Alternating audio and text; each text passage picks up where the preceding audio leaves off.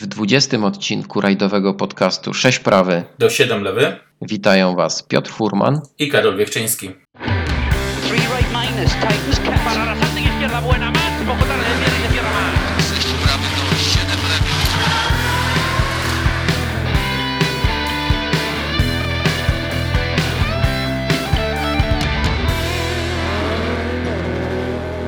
Dla tych wszystkich, którzy myśleli, że już to koniec podcastu 6 prawy do 7 lewy. Mamy smutną wiadomość. Nie? Jesteśmy żywi i mam nadzieję, że teraz będziemy regularnie nagrywać. Będziecie mogli nas jeszcze częściej słuchać. Odwykłeś Piotrek od nagrywania? No, myślę, że te dwa miesiące przerwy e, troszeczkę e, wzmogły apetyty naszych słuchaczy. E, wracamy z nowymi pomysłami, z nowymi odcinkami. Myślę, że jeszcze nie raz Was czymś nowym zaskoczymy. Oby nie taką e, przerwą. No, myślę, że to jest dobry moment na powrót, bo e, w świecie rajdów samochodowych dzieje się coraz więcej. Nie tylko my mieliśmy przecież dwumiesięczną przerwę, bo przecież po niespełna dwóch miesiącach wraca cyrk pod tytułem WRC. Przed nami rajd Chorwacji, dla nas bardzo ważny. Zaraz powiemy coś więcej na ten temat. Powiem Ci, że lepszej wymówki bym nie znalazł, żeby tak się podciągnąć pod WRC, ale okej. Okay. No wiesz, e, to jest dobra wymówka, bo e, wielu kibiców czeka na ten rajd. E, my nie chcieliśmy wcześniej nic takiego mówić konkretnego na ten temat, bo dużo się działo. E, te plany polskich zawodników, e, które najbardziej przyciągają e, uwagę polskich kibiców, wreszcie się skrystalizowały. Wiemy kto, gdzie, czym i, i, i jak bardzo to będzie dla nas pasjonujący sezon, ale też w przyszły weekend rozpoczynają się rajdowe Mistrzostwa Polski. 50. rajd Elmot to też taka impreza z tradycjami i cieszę się, że ten rajd otworzy sezon w Polsce. No właśnie, e, mówiąc o rajdowych mistrzostwach Polski, udało się tam e, podomykać kwestię sponsora tytularnego. Czy mamy sponsora, czy nie mamy, czy w ogóle ten cykl jeszcze dycha, żyje, ma promotora, nie ma? Wiesz coś o tym? No, Powiem Ci, że to jest bardzo ciekawy przypadek, ponieważ promotora nie ma, e, a jeszcze jednak coś tam się kręci, coś tam próbuje się organizować. E, Polski Związek Motorowy wydaje się niezatapialny i e, te rajdowe Mistrzostwa Polski e, ruszą po raz kolejny. No cieszymy się, cieszymy się. No, ciężko powiedzieć, jak ten sezon będzie wyglądać, ale zapowiada się całkiem nieźle. Lista wygląda naprawdę bogato. Mamy przecież tutaj i klasykę e, w postaci takich nazwisk jak e, Grzesiek Grzyb, Maciej Lubiak czy Zbyszek Gabryś. E, no i też kierowców, którzy pewnie będą starali się zdobyć tytuł Mistrza Polski. Bo przecież Kasper Wrublewski na szczęście pojawił się na liście i, i, i podobnie jak w zeszłym roku będzie startował z Kodą Fabią. Mamy Sylwestra Płachytkę, Adriana Chwietczuka również w Skodzie, który jeszcze nie podał pilota, ale chyba taką największą niespodzianką będzie e, mistrz świata juniorów e, z 2020 roku, Szwed e, Tom Christensen, który wystartuje Hyundaiem i20 R5 z polskiej stajni. Nie wiemy, czy to będzie dłuższy romans z Mistrzostwami Polski, czy tylko jedno, jednorazowy start ale wygląda to całkiem nieźle. Fajnie, że o tym wspomniałeś, bo chciałem zwrócić tylko uwagę na to, że powolutku, pomalutku stajemy się takim e, poligonem troszkę dla tych e, młodych, gniewnych, którzy mają ambicje na atak na Mistrzostwa, na mistrzostwa Świata e, w jakichś większych klasach. Mm, tak jak niegdyś, gdzie wszyscy ścigali się w Wielkiej Brytanii, bo tam można było e, zyskać to doświadczenie. Wygląda na to, że polskie teraz jednak są na tyle wymagające i gdzieś tam dają mm, takie pierwsze szlify pod. No, a chciałbym się powiedzieć, że dziurawe asfalty, no ale ale bądź co bądź rajdowe Mistrzostwa Świata w dalszym ciągu składają się w, no, w większej części z eliminacji szutrowych, więc trochę tego nie rozumiem, no ale widocznie jakaś logika w tym musi być. No nie narzekaj na te dziurawe asfalty. Zimy takiej strasznej nie było, a nie wiem, czy widziałeś zdjęcia, które wyciekły ostatnio, e, pokazujące nawierzchnię niektórych odcinków specjalnych właśnie rajdu Chorwacji. No też tam nieciekawie to wygląda, e, więc szykuje się, szykuje się walka przetrwanie. A wracając do rajdu Elmot, e, no jeżeli będziemy tylko zwracać uwagę i oceniać poziom rywalizacji na podstawie listy zgłoszeń, no to powinniśmy być zadowoleni. 14 samochodów e, klasy Rally 2 robi wrażenie. E, wśród nich, tak jak już wspomniałem, e, doświadczeni e, zawodnicy. Warto wspomnieć też o powrocie Marcina Słobodziana. Ten krakowski kierowca przecież dwa lata temu nagle zakończył karierę, teraz wraca. Miejmy nadzieję, że wróci na stałe. Mamy też Darka Polońskiego, przecież starsi kibice doskonale pamiętają Darka Polońskiego. Będzie startował Volkswagenem Polo z Rally Technology. Także no, mi się to całkiem, całkiem podoba. Żałuję, że nie będę mógł być na tym rajdzie, e, ponieważ teraz jestem zawodowo bardziej związany z imprezami torowymi typu rallycross, e, ale będę obserwował rywalizację e, na, na tym rajdzie. Trochę będę narzekał na to, że ten rajd jest taki krótki, no ale z tym już się chyba trzeba pogodzić. To trochę tak jak w przypadku mm, rajdu Chorwacji no, mamy taki ciekawy, takie ciekawe przełożenie, że całkowity dystans e, rajdu Elmo to 300 km, e, a chyba tyle kilometrów właśnie odcinków specjalnych będą Marek mieli Chorwacji. do pokonania zawodnicy rajdu Chorwacji. Ja bym chciał właśnie tutaj powiedzieć jeszcze troszkę o rajdzie Chorwacji, no bo jakby nie było, mamy mm, kilku polskich kierowców i pilotów, którzy będą rywalizować w tym roku. Mm, masz swoich faworytów? No, pytasz o, o, o e, kategorię Rally 2, czy... Skupmy się na Polakach.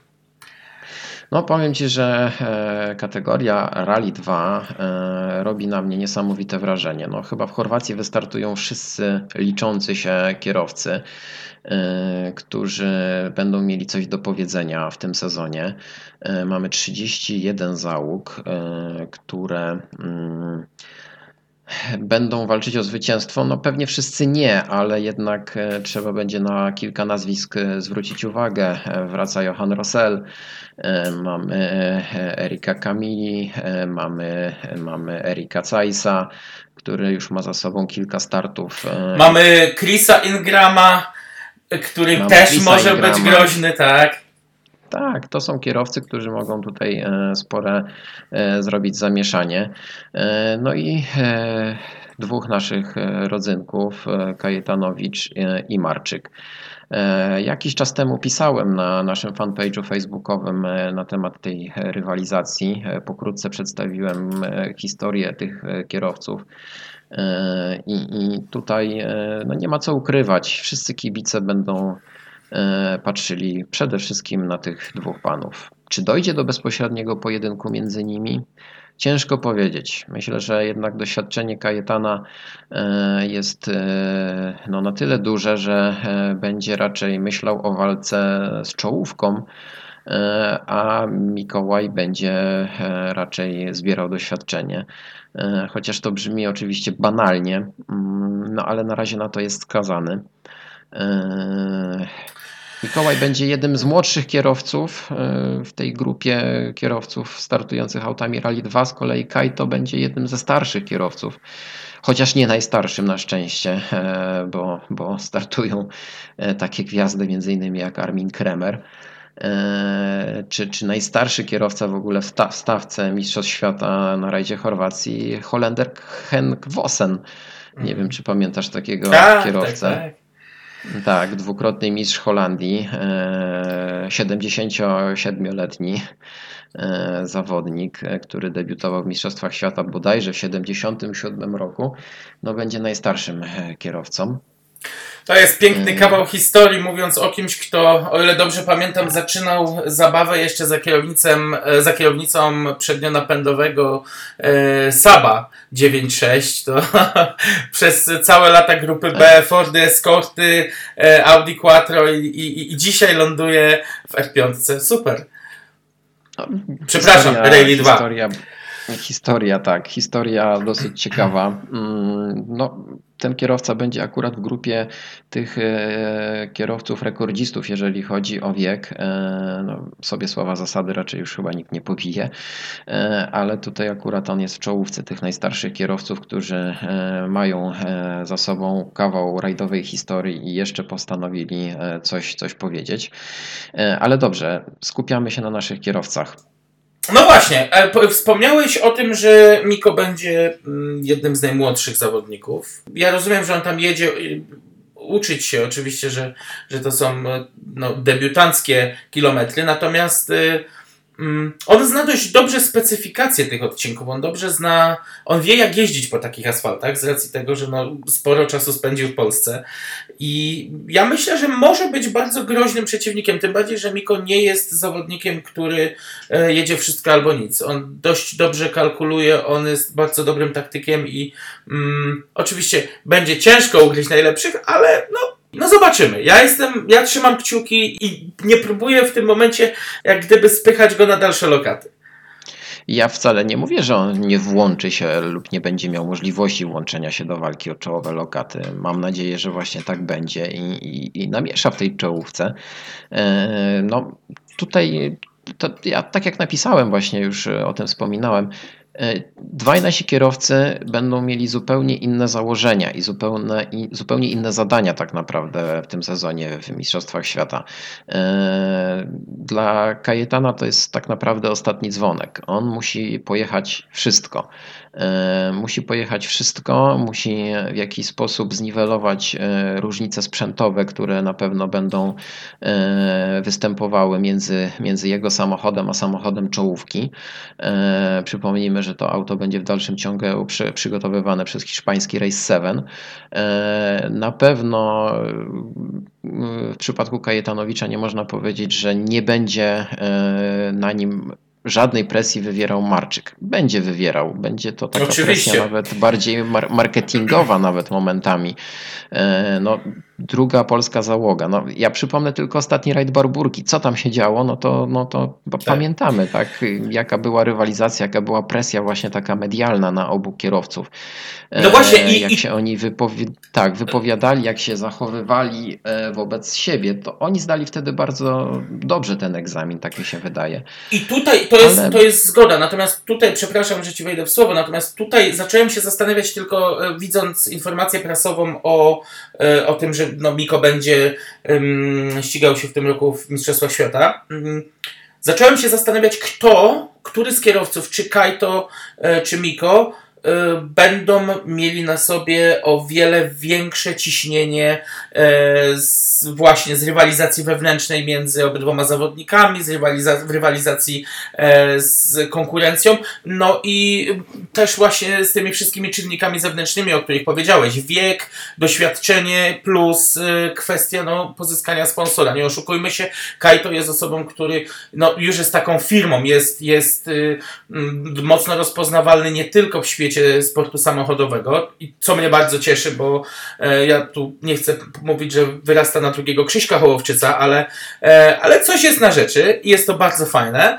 Mm, natomiast Miko wchodzi z y, czystą kartą i e, on musi się wykazać. I zastanawia mnie teraz z takiego psychologicznego punktu widzenia, który z nich będzie mieć ciężkie, cięższe zadanie do wykonania na tym rajdzie.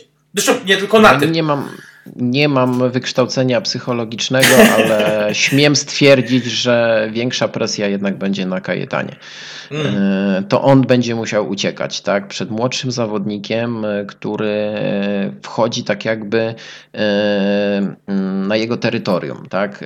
Kajto był właśnie, tak jak powiedziałeś, stał się taką firmą, marką, naszym takim reprezentantem na arenie międzynarodowej, w Mistrzostwach Świata, na tym najwyższym szczeblu to wiadomo, niosło za sobą e, wszystkie możliwe e, konsekwencje, obowiązki, z których naprawdę Kajetanowicz e, świetnie się wywiązywał.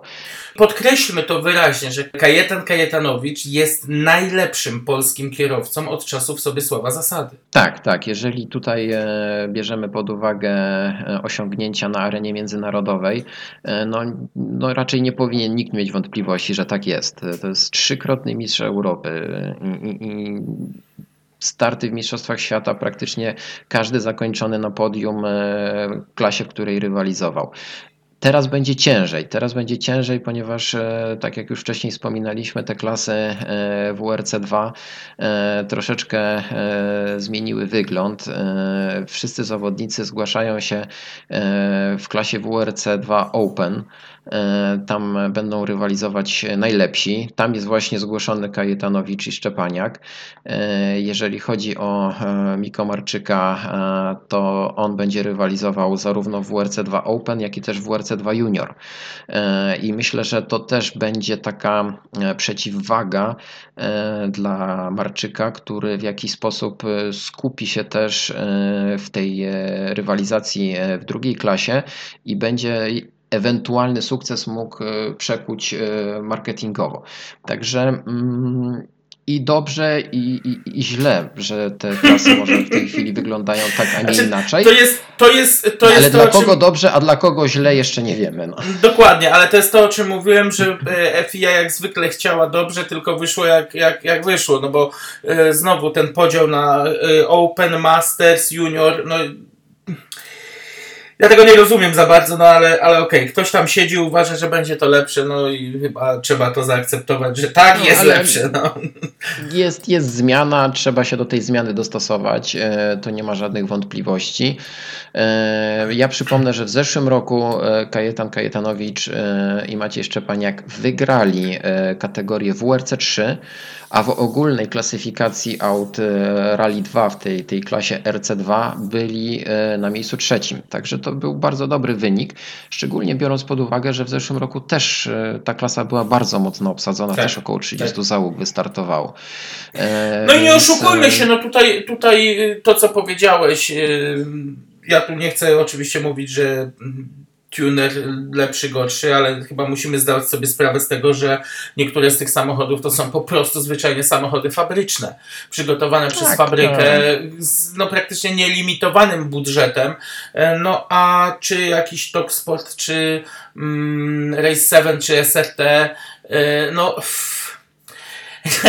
to są auta powiedzmy wprost z wypożyczalni, więc no ta przepaść tutaj no jest sprzętowa i to duża.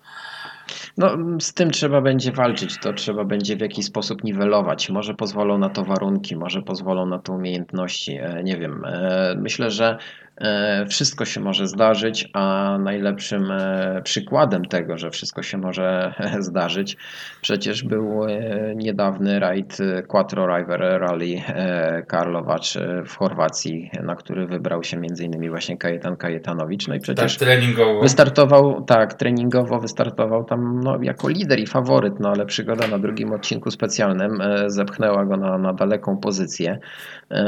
Przestał się liczyć w walce o zwycięstwo zwycięstwo. I kto wygrał rajd? Rajd wygrał Hubert Laskowski, no i to była niesamowita to niespodzianka. Była niespodzianka także tak, tak. ten młodzian, e, chłopak, który naprawdę e, ma ciekawą oprawę e, tych startów, taką oprawę medialną, gdzie tam niektórzy uważają, że może jest za dużo w tej chwili trąbienia o tych jego startach, a nie ma wyników. No tym razem e, pokazał, że jednak e, jest, jest e, talent, są umiejętności. No bo pokonanie Jana Czernego mm. w bliźniaczym aucie w czystej tak. rywalizacji no, budzi szacunek dla mnie. Także Hubert brawo i mam nadzieję, że on jeszcze w tym roku nieraz nas zaskoczy. Także to jest, to jest myślę, talent. że też to... tak. My już o nim wspominaliśmy i Dokładnie. raz pewnie będziemy o nim mówić. Ja jestem pełen podziwu dla niego i oby, oby to rzeczywiście potoczyło się w dobrą stronę e, i jego kariera rozwijała się prawidłowo.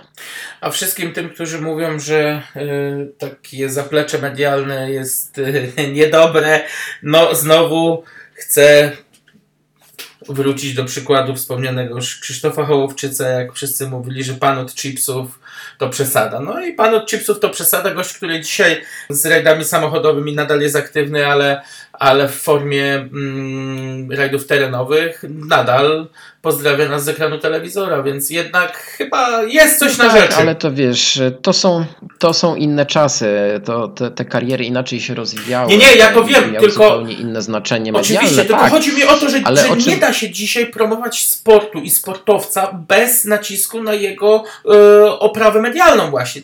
Ale wiesz, ja się jeszcze zastanawiam nad jednym. E, jak bardzo e, to dachowanie Kajetana na tym rajdzie pomogło w rozwoju kariery Huberta Laskowskiego. Na pewno dodało mu pewności siebie, tak. To. No wiesz, ale, ale wygrać rajd, w którym startuje Tak. dużo doświadczony e, zawodnik, dużo bardziej doświadczony zawodnik z, z niesamowitą karierą za sobą już, no to myślę, że chyba nie ma lepszej trampoliny marketingowej niż taka sytuacja. Ja jestem naprawdę e, tutaj e, pewny niemalże na 100%, że ten rajd to jest kamień milowy w karierze Huberta Laskowskiego. I bardzo dobrze, niech, niech e, sponsorzy walą do niego drzwiami i oknami, a myślę, że sam incydent Kajetanowi nie przyniesie Nie żadnych zabierze problemów. pewności I siebie. Dokładnie, oczywiście, no takie rzeczy się To jest doświadczony, mądry kierowca, dojrzały, w dalszym ciągu z olbrzymim głodem do jazdy e, i, i, i wierzę w to, że Kajto naprawdę e, narobi jeszcze sporo zamieszania w tym roku. No, trzymamy kciuki za najbliższe kilka dni, mm, ale ja nie byłbym sobą, gdybym cię nie zapytał, podoba ci się nowe malowanie Kajetana? To znaczy samochodu E, Kajetana. To, to, to, to, ta, ta zmiana e, jest dosyć kontrowersyjna. Ja mam wrażenie, że ktoś e, robił projekt i niechcąco zapisał go w czarno-białym kolorze. No, może się to podobać, może się to nie podobać. Men, może akurat medialnie to, to, to zadziała na plus, może to auto rzeczywiście będzie się jakoś tak bardziej rzucać w oczy. E, I, I może tej czerni za dużo e, tam jest, ale e, myślę, że nie będzie miała jakiegoś ne- negatywnego wydźwięku w całym sezonie. Wiesz co, ja muszę, muszę tutaj niestety też znowu narzekać, ale zwróć uwagę, że w barwach, które są kreowane przez specjalistów od komunikacji e, pomiędzy firmą a, a mm, odbiorcą, kibicem, e, chyba troszkę wszyscy idą albo na jedno kopyto, albo wyczerpały się pomysły. Gdzie są takie wspaniałości jak malowanie Castrola z lat 90., gdzie malowanie 555? Popatrz, jakie ikony dawniej dało się kreować z głupiego, em, no, prostego schematu kolorów. Ale Dzisiaj- ty znowu próbujesz e, trochę na siłę porównać dwie epoki rajdów, które e, e, rozłam Kurczę, epok ale malowanie- już dawno i już nie Ja rozumiem, okej, ale malowanie i sponsoring, powiedzmy, poszły w, do przodu i, i, i nowe możliwości, jakie choćby nawet współczesna technika mm, lakiernicza daje, powinny gdzieś tam i rozwijać tą strefę. Natomiast ja odnoszę wrażenie, że nie wiem, czy grafikom brakuje weny, czy robi to jedna osoba i, i, i sprzedaje to na cały świat, te wszystkie projekty, bo one są naprawdę tak łudząco do siebie podobne. Tam mi brakuje takiego pazura, żeby ktoś, nie wiem, wymalował samochód nawet na jeden kolor, e, ale żeby to miało po prostu takie, no, takie coś, tak jak, tak jak robiono to dawniej. Dzisiaj tego nie ma. Okej. Ja wiem, kiedyś Słuchaj. było lepiej. 20-30 lat temu po prostu nie było Photoshopa, no i tyle w temacie. Dokładnie, dokładnie, tak. To Eee. chyba jest, to chyba jest ta przyczyna. Okej, ale zanim, zanim przejdziemy do naszego e, tematu dzisiejszego odcinka, e, jeszcze wypadałoby powiedzieć troszeczkę o e, czołówce, czyli o klasie Rally 1, e, bo mm, tutaj też będziemy oczywiście e, uwagę e, mocno zwracać na rywalizację w generalce. E, 11 samochodów Rally 1, tradycyjnie najwięcej Fordów i Toyot, po 4 sztuki, no i 3 Hyundai. No jak myślisz, e, po tym e, trudnym początku e, sezonu dla Hyundai'a, widzisz jakieś światełko w tunelu dla nich, czy, czy jeszcze Wiesz co, mieli dwa miesiące. Myślę, że tam był kawał ciężkiej pracy zrobiony, więc tym bardziej, że z tego co wiem, to Hyundai dość mocno testował właśnie na asfaltach. Myślę, że, że jeżeli wykorzystali te dwa miesiące takiej sumiennej, dobrej roboty, to, to mogą być szybcy. Zobaczymy. Ja nie chcę tutaj dywagować, czy, czy to będzie Tanak, czy Solberg, e, ale, ale czy Neville, bo nie oszukujmy się, on na asfaltach też potrafi być szybki. Mm, ale mm, liczę na to, że jednak y, troszkę odrobili te lekcje i, i okażą się, że skrócą ten dystans pomiędzy Toyotą i Fordem. No tak, przede wszystkim e, Hyundai będzie miał coś do pokazania, ale do e, udowodnienia jeszcze, że, że trzeba mocno, mocno się sprężyć i powrócić do walki o zwycięstwo, będzie miał też Elfin Evans. On jest daleko, daleko z tyłu w klasyfikacji po tych dwóch nieudanych rajdach. Podobna sytuacja jest w tej chwili między innymi no, z Craigiem Brinem, no co prawda on trzecie miejsce w Monte Carlo, ale ta Szwecja też nieudana. Tylko ja mimo wszystko o, my, o wiele mniej obawiam się o Brina na asfaltach niż o Evansa. Bo, y, bo, bo jednak Craig Brin to jest gość, który y, początki swojej kariery stawiał na y, pierwsze kroki swojej kariery stawiał na asfaltach i, i on wie jak jeździć na takim brzydko mówiąc tak, tak. asfaltowym tak. wyrypie. Natomiast on sam powiedział, że będzie czuł się pewniej, tak, Dokładnie. Natomiast Evans chce zaatakować. Nie sądzę, szczerze mówiąc. A jak będzie, zobaczymy. No, jeszcze tutaj na e, Adrian Furmo będę zwracał e, baczną uwagę. On też powinien e, w końcu się przebudzić i, i, i coś więcej pokazać. No i młodzi panowie, tak, Kale, Oliwier. No Kale też po zeszłorocznej Chorwacji chyba odrobił lekcję. Zobaczymy właśnie, czy odrobił tę lekcję, ten wypadek zeszłoroczny. Powinien czegoś go nauczyć jeżeli zacznie e, jechać pewnie od samego początku, to myślę, że będzie do samego końca walczył o zwycięstwo w tym rajdzie. Ale będę monotematyczny. Fin na asfalcie. Ten znowu wraca do czasów zamieszłych. No słuchaj, no Finowie na asfalcie już nie budzą żadnego e, jakiegoś e, szoku wśród kibiców. Ja powiedziałem, jeżeli Kale nie będzie stosował jakichś dziwnych taktyk e, i od samego początku zacznie rajd od mocnego uderzenia, oby nie w kamień, ani nie w drzewo, to będzie jednym z liderów tego rajdu i, i, i, no. myślę, że, że może walczyć o zwycięstwo. Zobaczymy. Y, ja natomiast będę y, bacznie przyglądał się poczynaniom Pirelli i Lube, y, ale to z racji o, tak. chyba takich rodzinnych sympatii. Trzymam kciuki za tego kierowcę. No to chyba przejdziemy do klu naszego odcinka. No jeszcze, jeszcze chciałem o jednej rzeczy powiedzieć. Jeszcze a, chciałem powiedzieć o jeszcze, chyba o jeszcze już wiem. rzeczy, tak ty, tak. ty chcesz powiedzieć o pewnej legendzie, a ja też chcę powiedzieć o pewnej legendzie, ale dobra, ty zaczynaj. Okej, okay, dobra. E, stęskniłeś się za Sebastianem Lebem? E, no, wiesz, czekam aż, aż znowu się pojawi. Chyba tam planuje Portugalię pojechać. Tak, tak, tak, tak. Gruchnęła wieść, że e, Malcolmowi znowu się udało dogadać e, z Davidem Richardsem i e, już podczas rajdu Portugalii w Pumerelli 1 ponownie wsiądzie Seb. Trzymam kciuki. To jest mój cichy faworyt tego roku.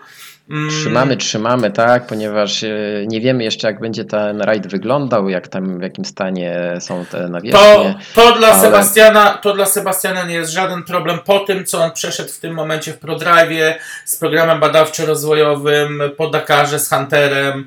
E, on jest w formie. No, no i super. I, i, i czekamy na, na rajd e, Portugalii, który rozpocznie się za miesiąc. Mhm. A ja jeszcze Cię zapytam, czy wiesz, że po ponad 20 latach przerwy w startach na rajdowe trasy wrócił pan Andrzej Górski. O, to mnie teraz zaskoczyłeś. A widzisz. Nasza rodzima legenda prawego fotela. E, pan Andrzej Górski e, zdecydował się na start z młodym zawodnikiem e, Jakubem Matulką w Techmol Rally, czyli rajdzie, który rozpoczyna rywalizację w serii Tarmac Master. E, ukończyli ten rajd na dobrym 11 miejscu w generalce. No i nie wiem, czy to jest już ostatnie słowo pana Andrzeja. Oby nie. E, wynik pokazuje, że jednak połączenie młodości i doświadczenia e, czyni cuda i, i, i, i, można pojechać szybko. My oczywiście jeszcze będziemy korzystać ze wspomnień pana Andrzeja w naszych odcinkach, a tym akcentem właśnie chciałbym przejść do, do, do naszego e, dzisiaj tematu.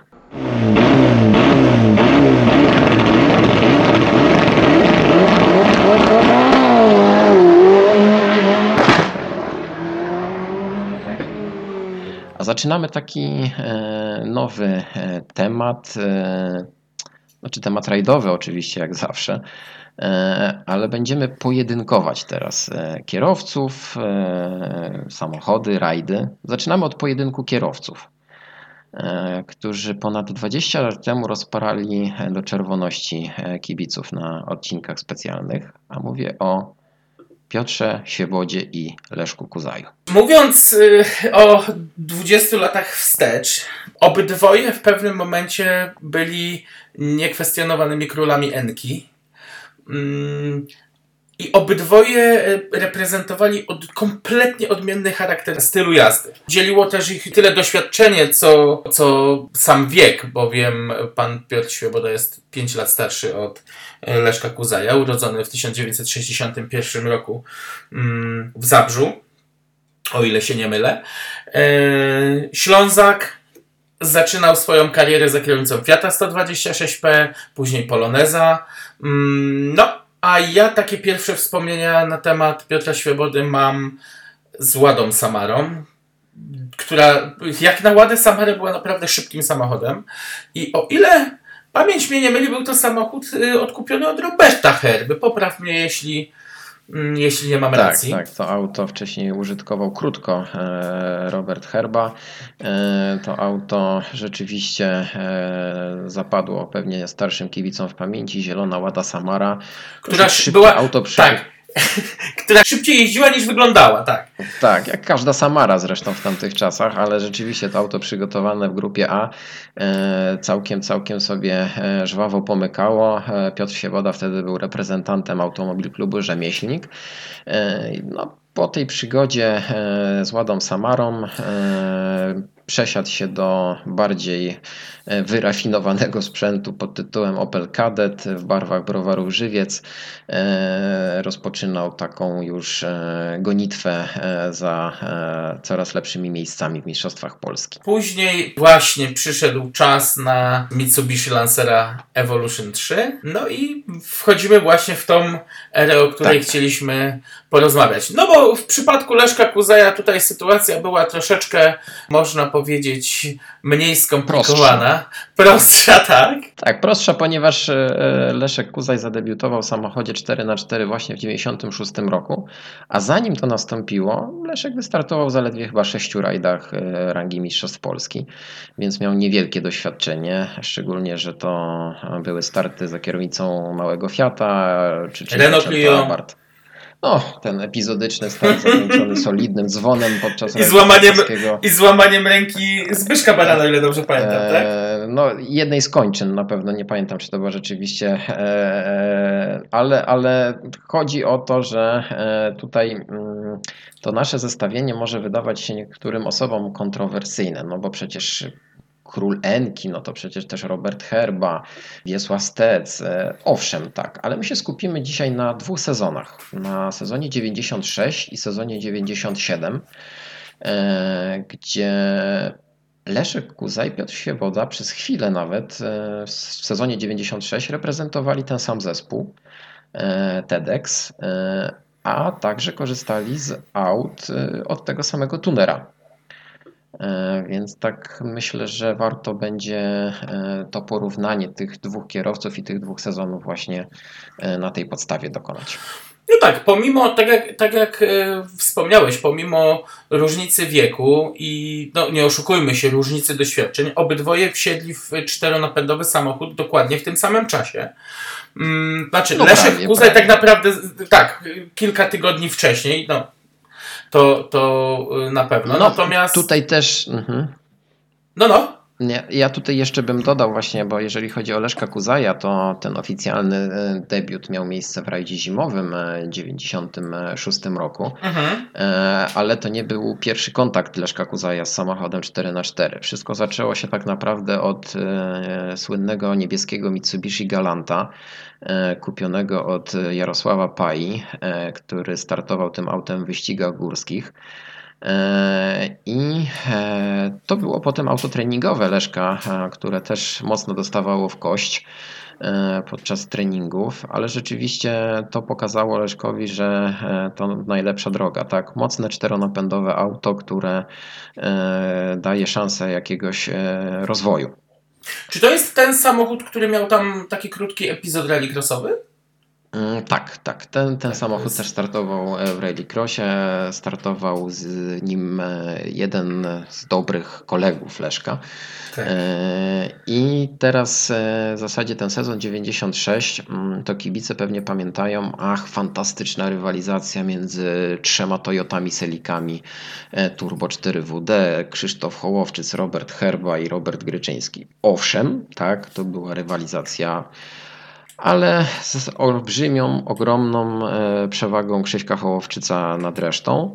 A w grupie N e, mieliśmy walkę między trzema lancerami Evo 3, tak wyrównaną i tak zaciekłą, że chyba te sezony właśnie lepiej oddaje ta rywalizacja w grupie N niż w generalce. No a trzeba tutaj powiedzieć, że e, ta grupa N w 96 roku była dość dziwna, bo mm, z jednej strony ze sceny schodziły samochody pokroju Forda Sierry mm, Cosworth y, i no, bądź co bądź już e, eskorty również schodziły gdzieś tam na drugi plan, tak. bo pojawił się mm, japoński samuraj w postaci Lancera Evolution 3, i pozamiatał całą tak, konkurencję. Tak, pozamiatał. I, to, I, to nie tylko, I to nie tylko na arenie Mistrzostw Polski, ale i na Mistrzostwach Europy i na Mistrzostwach Świata. To, to był samochód, który absolutnie rozgromił konkurencję i, i pokazał, że mm, ani Sierra, ani, ani nowszy, o wiele nowszy Escort za bardzo nie ma możliwości rywalizacji z tym samochodem.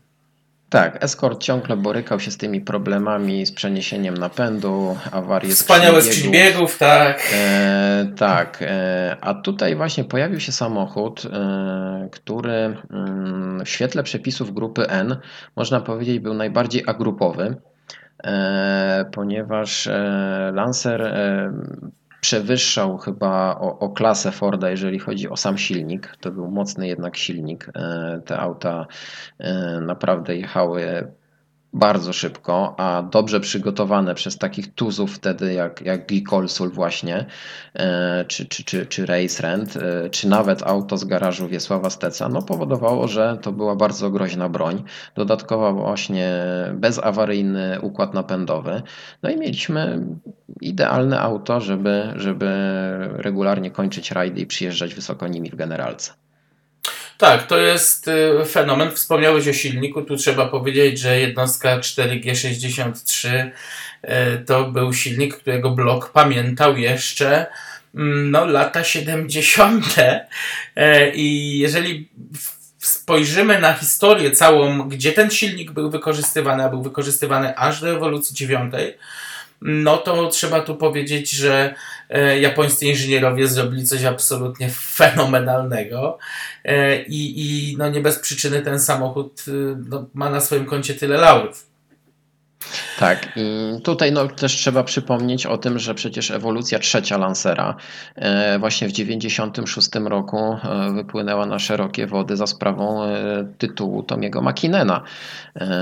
Pierwszego z czterech zdobytych za kierownicą Mitsubishi Lancera, ale właśnie to Tomi marsz po pierwszy tytuł rozpoczął za kierownicą Evo Trójki.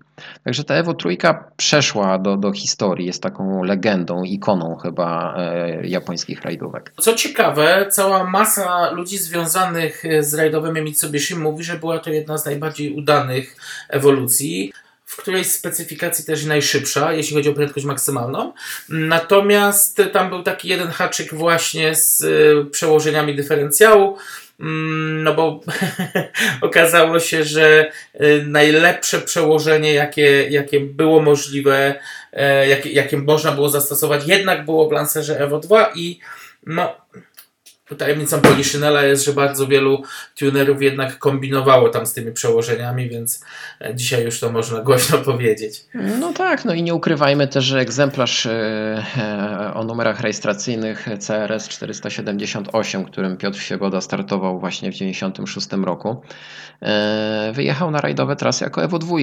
Także Dokładnie. Evo 2 była przebudowaną Evo 2 i ten samochód no, dawał sobie radę od samego początku, pomimo że już miał kawałek historii rajdowej za sobą. Ale właśnie, bo tym autem e, na polskich odcinkach specjalnych nie zadebiutował jednak e, Piotr Świeboda. Znaczy, on w ogóle ma bardzo ciekawą historię, bo to był egzemplarz, który już w latach 90. jeździł nim e, Nikola Min i Erwin Doktor. Także samochód, który wyszedł pod naprawdę dobrej ręki. Z polskich zawodników zadebiutował tym samochodem Michał Rej na e, rajdzie zimowym. Tak, rajd zimowy to właśnie był ten pierwszy rajd sezonu 96. E, rajd z nazwy zimowy, ale także i e, warunki były iście zimowe. I tak jak wspomniałem, no te Toyoty były mocno, mocno z przodu, ale właśnie już podczas tego rajdu doszło do dwóch objawień i to obu za kierownicą Mitsubishi Lancerów. E, Michał Rej wystartował wtedy w barwach zespołu TEDx Oil Rally Team e, z doświadczonym Andrzejem Górskim na prawym fotelu, a z kolei Leszek Kuzaj e, zadebiutował właśnie też Evo Trójką z Andrzejem Mocie. I od razu rozpoczął z wysokiego C. Walczył o mistrzostwo, o zwycięstwo w NC, ale także tam mocno podgryzał tą generalkę. E, a to była dosyć duża sensacja. Michał Rej niestety siadł w ten samochód tylko na jeden rajd i był to właśnie zimowy Dolnośląski.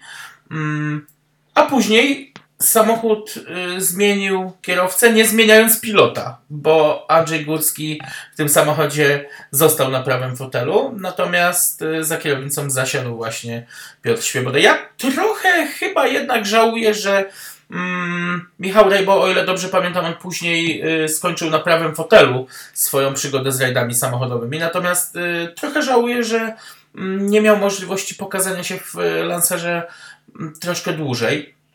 No ale stało się tak, jak się stało i nasz główny bohater, jeden z, z głównych bohaterów, e, zmienił go za kierownicą już podczas rajdu krakowskiego.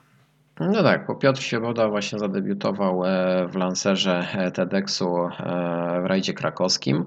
Myślę, że ku radości Andrzeja Górskiego, no, który znał Piotrka od, od wielu, wielu lat, startowali razem w amatorskich rajdach nawet. No, także ta zmiana kierowcy ku radości Andrzeja Górskiego, bo przecież Piotrek Świeboda też kierowca ze Śląska, obaj zaczynali pierwsze kroki stawiać w rajdach samochodowych nawet chyba wystartowali w jakimś rajdzie amatorskim wspólnie, e, no spowodowała to, że e, debiutant e, właśnie Piotr Siewoda w rajdzie krakowskim zaczął od zwycięstwa w grupie N i okazało się, że ta zmiana wcale nie była taka zła.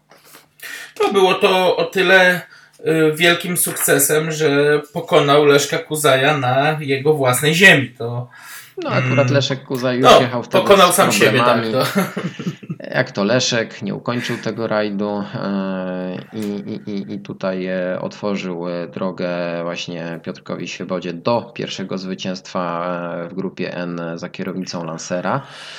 Ale podczas rajdu, ale podczas rajdu krakowskiego mieliśmy już do czynienia z jeszcze jednym fenomenem tego sezonu, mianowicie pojedynkiem olejowym, jak ja to nazywam, czyli z jednej strony dość prężny zespół TEDxu, mm, a z drugiej strony zespół rafinerii Czechowice e, promujący markę Racer, w którego sztandarowym kierowcą był Wiesiek Stec. No tak, także kolejny. Wiesiek i Zbyszek. Wiesiek, a później Zbyszek, tak. Tak, Wiesław Stec, kolejny z trzech muszkieterów właśnie wtedy grupy N. On, on dysponował autem zakupionym w Niemczech. E, to było jego auto. E, w przypadku aut TEDxu mieliśmy do czynienia e, z taką mieszanką kupna, wypożyczania, ponieważ no auto Piotra Siewody było wypożyczane bezpośrednio od Gikolsula. Z kolei Leszek Kuzaj kupował na własność te samochody. Nie mówię tutaj bez przyczyny w liczbie mnogiej samochody, no bo po przygodach podczas rajdu Elmot 96 ten pierwszy Lancer po prostu przestał istnieć i Leszek musiał kupić e, nowe auto, nowe nadwozie.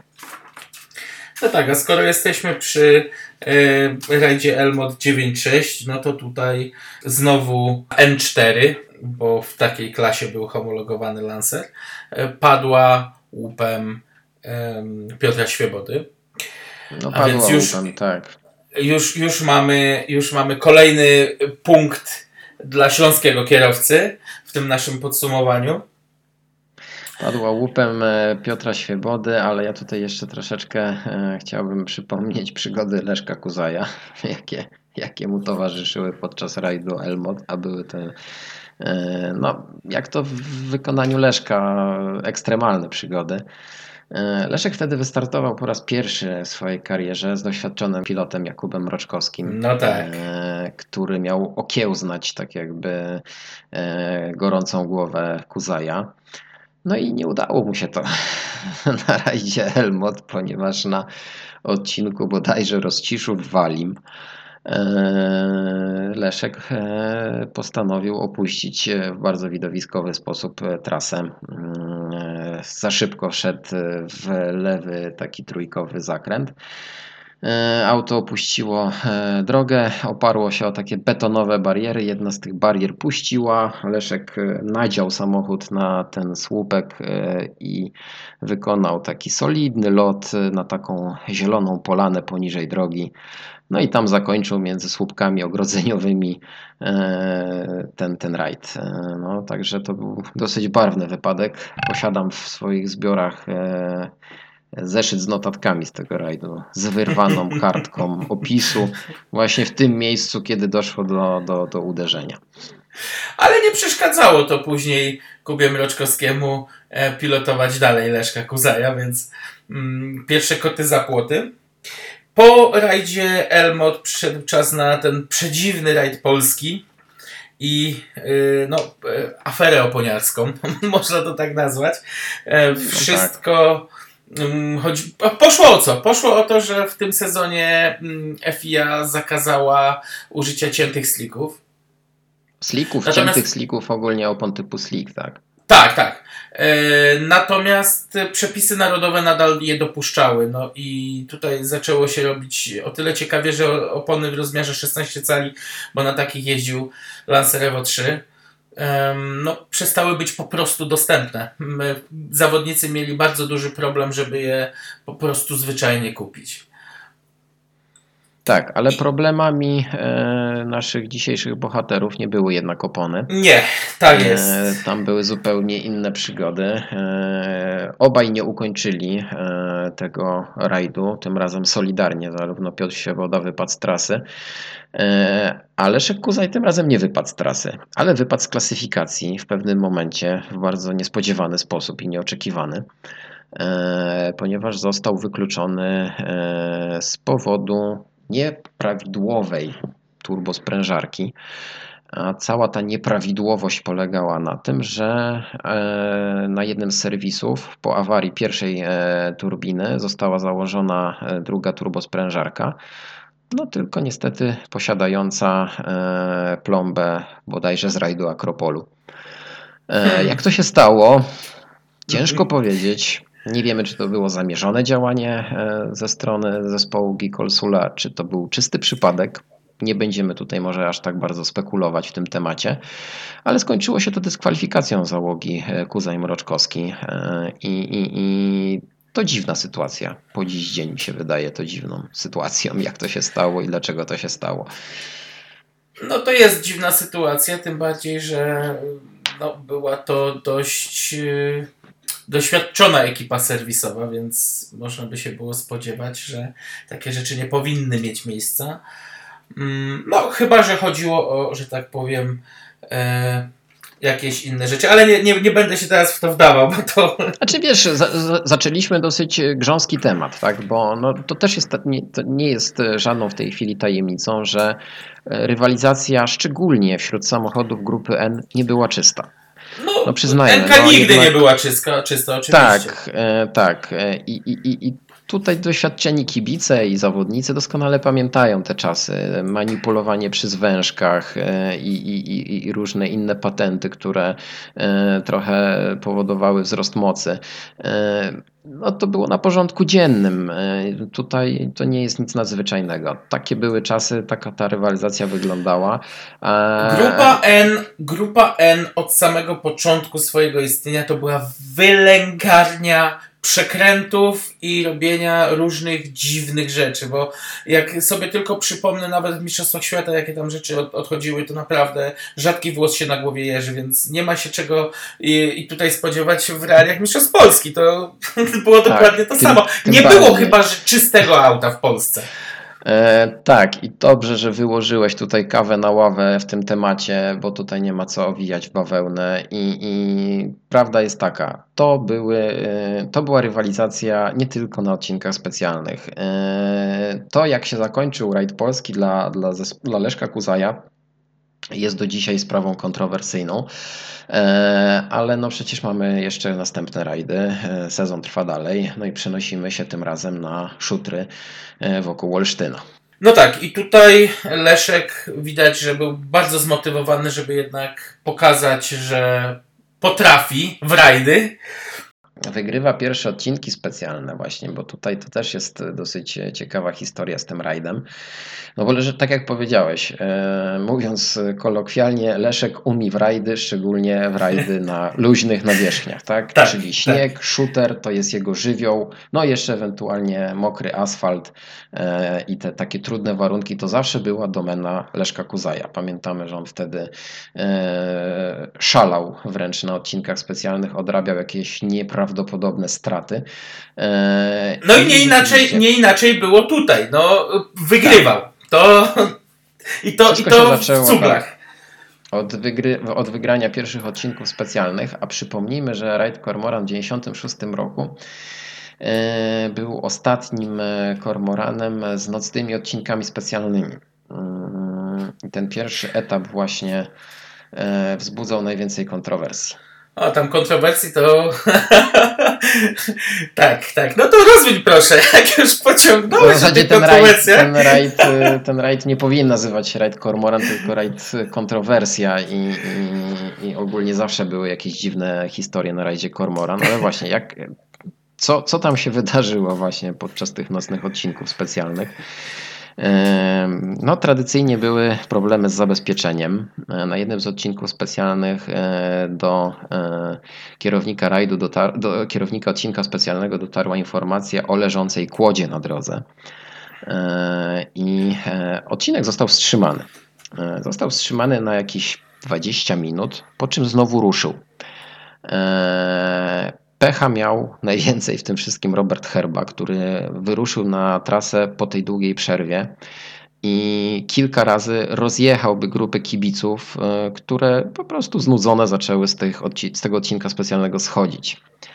E, przypomnijmy, się... że, że mówimy o nocy. Tak, przypomnijmy, że mówimy o nocy i e, no, o tragedię nie było trudno. Na szczęście wtedy nic się nie stało. E, ale dochodziło jeszcze do innych e, horrendalnych po prostu niedociągnięć, e, takich jak też tutaj trzeba powiedzieć wprost, nietrzeźwi sejfciarze, nietrzeźwi ludzie obsłudze odcinków specjalnych, gdzie Piotr Świeboda publicznie się wypowiadał. Jest ta wypowiedź w internecie, można ją bardzo łatwo znaleźć, o tym jak jeden z sędziów wpuścił go na trasę odcinka specjalnego no to mro, mrozi krew w żyłach, naprawdę, co się wtedy tam działo. No ale dobrze, może zostawmy już e, tę historię e, samej organizacji tego rajdu.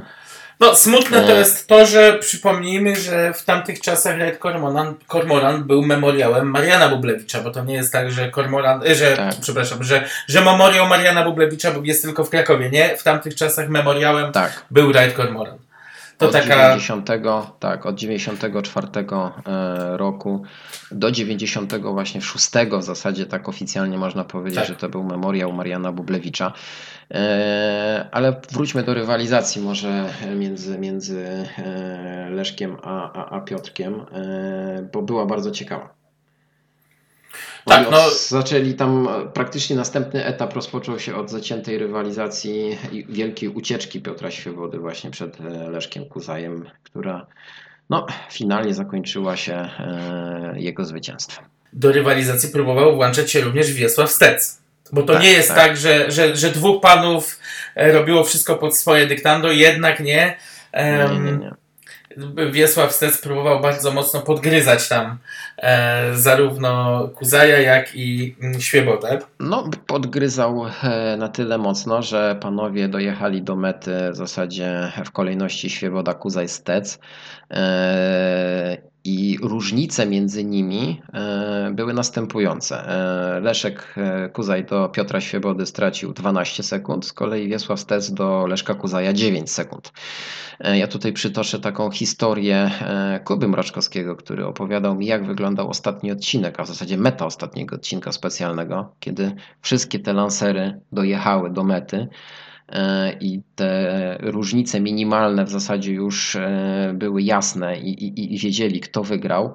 E, Padli sobie w objęcia i po prostu cieszyli się e, wszyscy, wszyscy w zasadzie sześciu zawodników z trzech samochodów e, skakało z radości i, i cieszyło się z tak pięknej rywalizacji, bo naprawdę nie było, nie było tutaj w innych klasach e, na pewno aż, aż tak zaciętej rywalizacji jak, jak wśród tych samochodów e, Evo 3.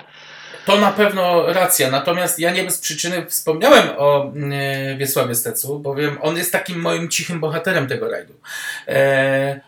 Wiesław Stec już podczas rozgrywanego bodaj dwa tygodnie czy trzy tygodnie wcześniej rajdu Polski mm, cierpiał na zapalenie spojówek. Tak. I podczas e, właśnie rajdu Kormoran to zapalenie spojówek zaczęło znowu dawać o sobie znać i przy słonecznych y, odcinkach, no ja współczuję naprawdę, bo miałem kilkukrotnie w życiu zapalenie spojówek i prowadzić samochód y, z, ze światłowstrętem, no naprawdę nie jest to miłe uczucie. Mm, Natomiast y, tutaj z pomocą przyszedł nie, i z, nieocenioną, z nieocenioną pomocą przyszedł e, Marcin Kwiatkowski, który pożyczył pożyczał mu tak, okulary. okularów przeciwsłoneczne. Tak. Dokładnie. I, ale jeszcze też trzeba wziąć pod uwagę, tak jak dobrze powiedziałeś, o tych problemach e, z oczami. E, Przecież e, Wiesławowi Stecowi nie przeszkodziło to w odniesieniu fantastycznego zwycięstwa w grupie N podczas rajdu Tak. Polski. Także Tak, tak, bo o tym, o tym nie wspomnieliśmy. Tak. Także rzeczywiście, no, my dzisiaj tutaj porównujemy rywalizację Piotra Świebody i Leszka Kuzaja, ale rzeczywiście no, wstydem byłoby nie wspominać o, o, o, o Wiesławie Stecu, który e, dzielnie im sekundował. No i pod koniec sezonu e, rozdzielił ich klasyfikacji e, grupy N. Ja myślę, że tutaj sobie możemy rywalizację na mm, rajdzie karkonoskim chyba troszkę odpuścić. Rajd karkonoski padł łupem Piotra Świebody. Natomiast w I klasyfikacji zapewnił wtedy sobie już tytuł mistrza Polski w grupie e, tym zwycięstwem e, Piotr Świeboda i Andrzej Górski. E, Mogli już po Karkonoskim właśnie świętować ten tytuł, a podczas rajdu Wisły zgłosili się w klasie A8. No, wtedy bardzo łatwo było przerobić takiego lansera na grupę A. wystarczyło zmienić wężkę. wężkę. Tak. To auto wtedy kopciło, e, dziwnie się zachowywało, w końcu e, nie ukończyli tego rajdu e, po słynnej przygodzie e, z przyłączem gazowym. E, Tak jest.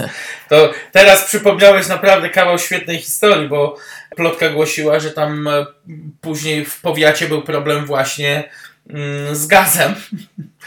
No E, tak, bo ten e, wypadek był dosyć solidny, no, zakończył się wycofaniem, a w ślady m, Piotra Świebody poszedł Leszek Kuzaj, Leszek który Kuzaj, też tak. tam pojechał e, poza drogę. Na szczęście on jakoś o własnych siłach wyjechał stamtąd, z poharatanym przodem ukończył ten rajd, no i wygrał klasyfikację e, grupy N. I to było jego pierwsze zwycięstwo właśnie w grupie N w 96 roku, no i w ogóle. To już był ten czas, że Leszek Kuzaj zaczynał rajd w barwach Golden Mayera, o ile dobrze pamiętam, a kończył właśnie w barwach TEDxu. I, em, No ten Golden śmiało- Mayer, Mhm. ten Golden Mayer towarzyszył mu przez cały sezon w zasadzie w większym lub mniejszym stopniu. To była taka firma pana Krzysztofa Majera, która zajmowała się e, sprzedażą alkoholi. No i tutaj rzeczywiście tam często można było zobaczyć naklejki raz większe, raz mniejsze na samochodzie Leszka. Tak, natomiast końcówka sezonu to już zespół TEDxu.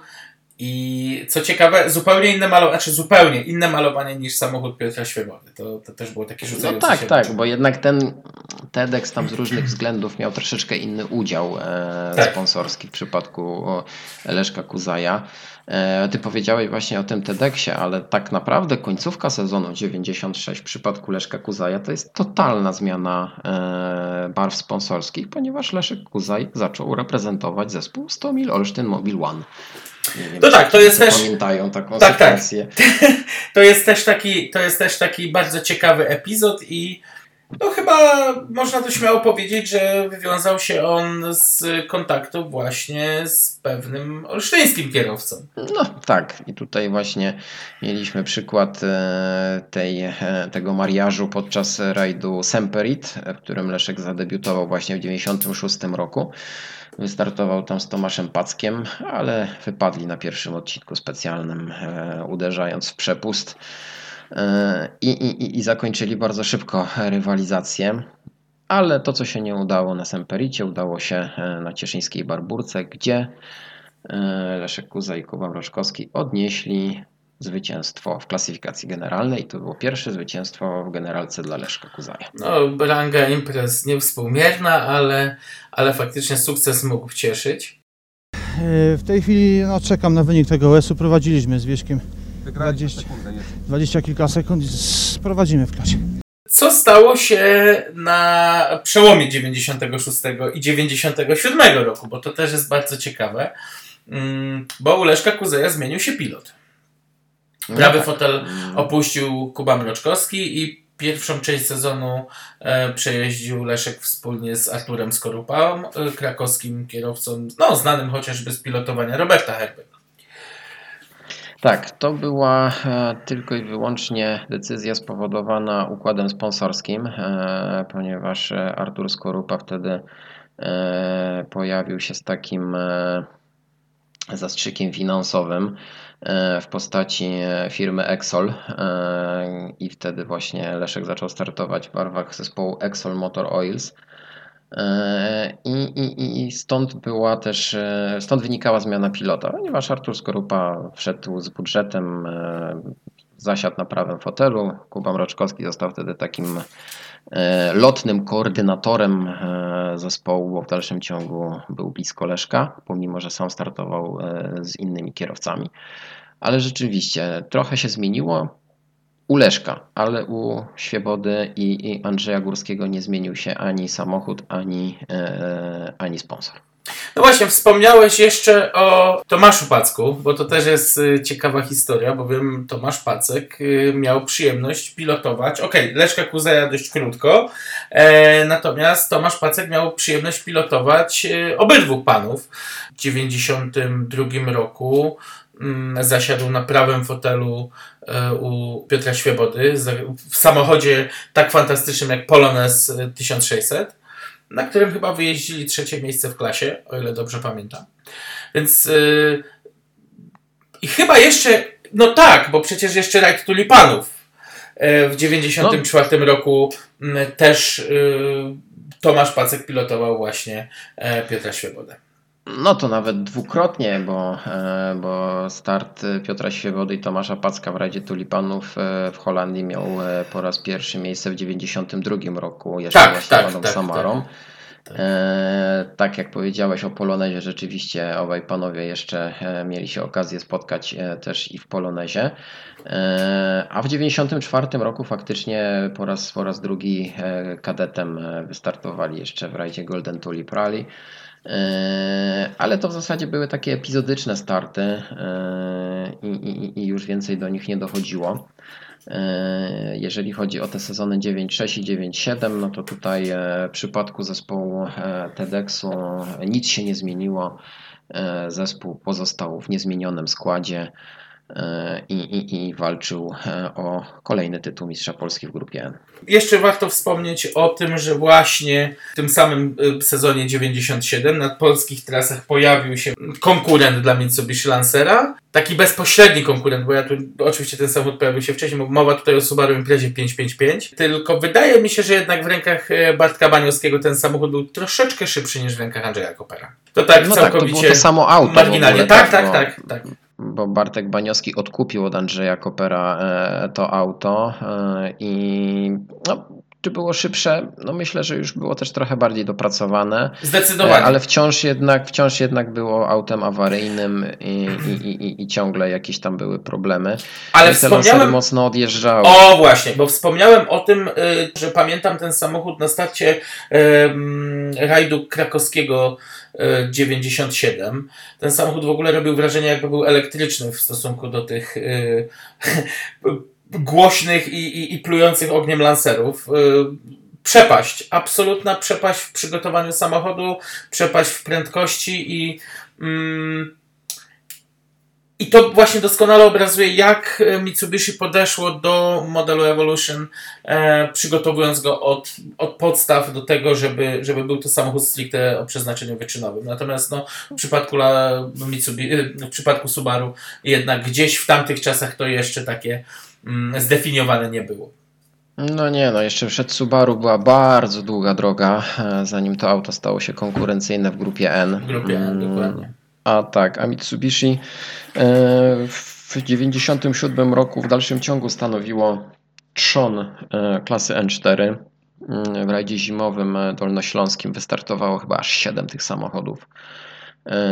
To była naprawdę już duża przewaga mm, nad pozostałymi markami. Okej, ale wróćmy do rajdu zimowego, bo tam też doszło do jeszcze jednej fajnej sytuacji związanej z Leszkiem Kuzajem. Eee, Król Ośki, mm, tak określany e, Waldemar Doskocz, miał zamiar w tym rajdzie wystartować bodaj w Felicji, w każdym razie w jakiejś mocnej ośce. Natomiast koniec końców skończył e, właśnie w samochodzie treningowym pożyczonym od Leszka Kuzaja. Był to Mitsubishi Lancer Evolution 3. Natomiast ja powiem No szczerze, tak. że nie pamiętam kompletnie e, jak no, mruwa mm, jak wypadł na tym rajdzie, bo, bo kompletnie nie wiem, masz jakieś w głowie e, historie związane z tym startem? Tak, e, tak, mam, mam historię. Okay. Właśnie Waldek Doskocz dostał to auto razem z pilotem e, Leszka Kuzaja, czyli właśnie z Kubą Mroczkowskim, e, z którym startował rok wcześniej. Rzeczywiście była to treningówka, zeszło, zeszłoroczna rajdówka Mhm. Leszka, tak, ten Lancer CRS 017. To była naprawdę taka kumpelska przysługa ze strony Leszka Kuzaja, bo Leszek nigdy nie ukrywał, że darzył sympatią Waldka Doskocza i korzystał z jego doświadczeń. E, więc e, to był efekt takiego wynagrodzenia pewnej nieoficjalnej współpracy między tymi dwoma kierowcami e, w poprzednim sezonie. I rzeczywiście Waldek, który został na lodzie po tym, jak Renault ograniczyło swój program do jednego kierowcy, wtedy mekanką wystartował już Janusz Kulik, no, skorzystał z tej okazji, skorzystał z tej oferty, wystartował tym Mitsubishi e, i zajął trzecie miejsce w grupie N. e, ku wielkiemu zaskoczeniu e, tak naprawdę. Po świetnej walce z Wiesławem Stecem do samego końca, panów na mecie dzieliło zaledwie 22 sekundy. E, No z pomocą, z pomocą serwisu e, Leszka Kuzaja e, na ostatnią pętlę e, Doskocz dostał nowe opony, e, no i odskoczył Wieśkowi na tą bezpieczną już e, e, odległość e, i, i, i- i dowiózł to miejsce na podium. Jak się okazało, Królośki całkiem nieźle radził sobie też i w samochodzie czteronapędowym. Ten rajd został wygrany przez Leszka Kuzaja i to e, z niewielką Wyraźnie. przewagą, ale, ale y, właśnie, ale wyraźnie. Y, Drugi był Piotr Świeboda i tutaj chyba było widać właśnie już to, że jeżeli Leszek ogranicza swoje mm, zapędy, to potrafi być y, niesamowicie skuteczne. No, ja przypomnę jeszcze e, jedną rzecz, e, bo Leszek Kuzaj e, mocno wtedy przepracował przerwę zimową. Testował w Bieszczadach z samym Stigiem Blomqvistem przecież. Tak, tak. I taka kilkudniowa sesja spowodowała, że jeszcze lepiej panował nad tym samochodem na takich śliskich nawierzchniach. Mm, te testy tam w Bieszczadach też to jest ciekawa historia, bo tam po jednej z przygód, oczywiście, podczas której ucierpiał Lancer Leszka, e, natychmiast na testy został zawezwany Wiesław Sted ze swoim samochodem, żeby móc te testy kontynuować dalej. Więc rzeczywiście e, i skorzystał z tego Wiesław, e, który pojawił się swoją Ewo trójką. E, i sobie e, śmigali tam z Blomqvistem po tym śniegu, co jak widać na zimowym rajdzie e, przyniosło niesamowite efekty. Ale mało kto wie, że Leszek Kuzaj był bardzo bliski zdobycia trzeciego miejsca i wjechania na podium tego rajdu w generalce. Robert Herba startował wtedy Toyota Celica Turbo 4WD w barwach TEDxu właśnie. Mm, tak, ST185, tak. Tak, tak. Było to auto którym e, rok wcześniej startował e, Robert Gryczyński. TEDx odkupił to auto Toyota Castrol Poland i mm, Niestety auto nie miało odpowiedniego zawieszenia. Robert Herba borykał się z problemami na trasie i tak nie było wcale powiedziane, że ukończy na podium ten rajd. Ukończył na podium z przewagą jednej sekundy nad Leszkiem Kuzajem, który był czwarty ale był to e, nieoficjalnie mówiąc prezent Leszka Kuzaja e, dla Roberta Herby, który po prostu puścił go na jednym z pekacy, robiąc mu taki e, mały prezent, który dla Roberta był dosyć znaczący jednak, żeby przyjechać tej pierwszej trójce wtedy. To I powiedzmy, nie, tym, nie jechali, były nie jechali w jednym zespole, więc. Nie jechali w jednym zespole, ale to też świadczy o takiej fajnej atmosferze między zawodnikami, o takich kumpelskich relacjach i, e, i to rzeczywiście chyba mało kto o tym wie, ale tak ta sytuacja wtedy wyglądała. Rajd zimowy zakończył się wówczas, pamiętam, w atmosferze, e, no, można powiedzieć, że małego skandalu. Doszło do mm, awantury podczas ceremonii rozdania nagród, przepraszam, na rampie jeszcze, bo, bo e, to później było przeciągnięte na ceremonię rozdania nagród. Wszystko się rozbiło o banalną sytuację zespoły, które no, już wtedy były poparte bardzo dużymi budżetami, które rywalizowały o czołowe lokaty, no, weszły na rampę mety e, z hostessami i z ludźmi ubranymi w swoje sponsorskie barwy, z parasolkami, e, z kurtkami. I to nie spodobało się właśnie też organizatorowi, który e, gdzieś tam nagle w regulaminie znalazł punkt, że nie można e, czegoś takiego robić. E, a tak naprawdę wszystko się rozbiło o to, że sponsorzy czołowych załóg po prostu finansowo nie podzielili się z władzami. No, jak nie wiadomo o co chodzi, to chodzi o pieniądze. E, tak, I, i, i doszło do takiej kwaśnej sytuacji. Właśnie, ja znowu słyszałem, że była tam też jeszcze w to dość mocna, słowna przepychanka, która już całkowicie no, rozsiedziła dyrektora i no tak, no. no. I poleciały groźby. Tak, posypały się kary pieniężne. Ostatecznie klasyfikacja generalna na szczęście się wtedy nie zmieniła, więc e, rozeszła się sprawa po kościach, ale e, afera miała e, tytuł w niektórych e, publikacjach medialnych Parasol Gate. I rzeczywiście, I rzeczywiście przeszła do historii jako taki no, mało smaczny dowcip. Po rajdzie zimowym przyszła pora udać się do Krakowa, do rodzinnego rajdu Leszka Kuzaja, mm, no, który znowu padł łupem Piotra Świebody. Leszek najwidoczniej nie miał e, szczęścia u siebie. Mm, Piotr Świeboda e, odjechał mocno Wiesławowi Stecowi i Nowej Nadziei pamiętam, że tak określano Jarosława Pinelesa, który no, miał być takim nowym mistrzem grupy N.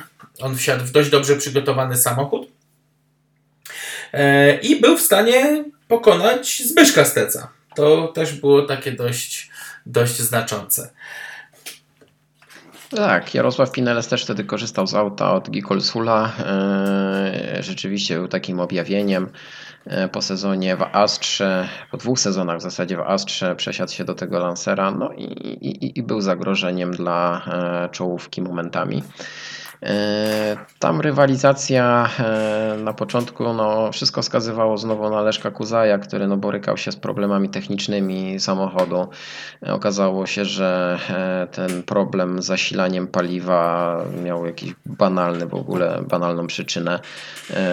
Kruciec zasysający paliwo był za krótki w zbiorniku, tak. ale to okazało się dopiero podczas rajdu. E, no i tych strat olbrzymich już się nie dało odrobić. E, Piotr Świeboda pewnie wygrał e, NK, no wyrastając na takiego lidera znowu tej grupy N przy problemach Leszka, którego nie chciały opuścić, a tak naprawdę to było dopiero preludium do jego problemów, którego czekały w następnych rajdach. No widzisz, ale wspomnieliśmy o Jarosławie Pinelesie mm, i chyba jednak coś było na rzeczy, że był on takim, jak wspomniałeś, objawieniem, bowiem kolejny w kalendarzu Raid Elmot był już pod jego, no powiedzmy nie dyktando, ale, e, ale to on zameldował się jako zwycięzca klasy N4 na mecie za, mm, przed Piotrem Świebodą. No a Leszek Kuzaj mm, dość niecodzienna przygoda, musisz przyznać. E, został wyeliminowany przez własną nieostrożność mm, uderzył w serwisowego busa. Przypomnijmy młodszym słuchaczom, że w tamtych czasach jednak e, samochody rajdowe były serwisowane, no nie chcę mówić gdzie popadnie, ale, ale tak było. Były serwisowane nie, nie na było, Nie było tak. Nie było, parków, parków serwisowych. serwisowych. I właśnie. No i tutaj coś poszło nie tak i Leszek uderzył w swojego własnego busa serwisowego. I uderzył no, tak niefortunnie. Jak się, Jak się potem okazało, nie tylko w swojego busa serwisowego, ponieważ też e, staronował Mitsubishi Pajero swojego szefa, szefa czyli tak. tak. tak. tak. No niestety, no, obrażenia samochodu były dosyć poważne, a wszystko było spowodowane taką no, nieuwagą w zasadzie Leszka Kuzaja, który e, no, gwałtownie ruszył e, po wymianie tarczy klocków hamulcowych. No, zapomniał o tym, że to pierwsze hamowanie po takiej wymianie no, nie jest zbyt efektywne. Mm, tam chyba mechanicy też nie, nie dołożyli wszelkich starań, żeby było lepiej. No i ten rozpędzony Lancer rzeczywiście, e, mówiąc e, tak najprościej, przypierniczył e, w busa, w to Pajero. Uszkodzenia były dosyć duże, no i niestety naprawa trwała dosyć długo, przekroczony limit spóźnień. No i lider Enki znowu niestety nie kończy rajdu. Rajd polski znowu zwycięstwo Piotra Świebody, a więc doświadczenie i, i taka zimna kalkulacja nad e, młodzieńczą fantazją Leszka. E, z tym, że Leszek już tutaj miał więcej szczęścia, bo zameldował się na mecie rajdu tuż przed Jarosławem Pinelesem. Tu chyba nie było żadnych ekscesów, o ile dobrze pamiętam. A, popraw mnie, ale wydaje mi się, że na tym rajdzie właśnie zadebiutował Lancer Revolution 4. Tak. W Polsce, na, na Zbyszek tak. Stec przywiózł tak, nowy samochód i był to polski debiut Lancera Evo 4. Tak, no rajd tu nie ukończył, e, uszkodził koło, chyba lewy przód, jak, jak e, kojarzę. E, no i rzeczywiście, ale to auto robiło wrażenie wtedy. No, robiło e, na tyle wrażenie, że przecież e, do takiej Evo 4 e, na rajdzie Kormoran wsiadł Leszek Kuzaj.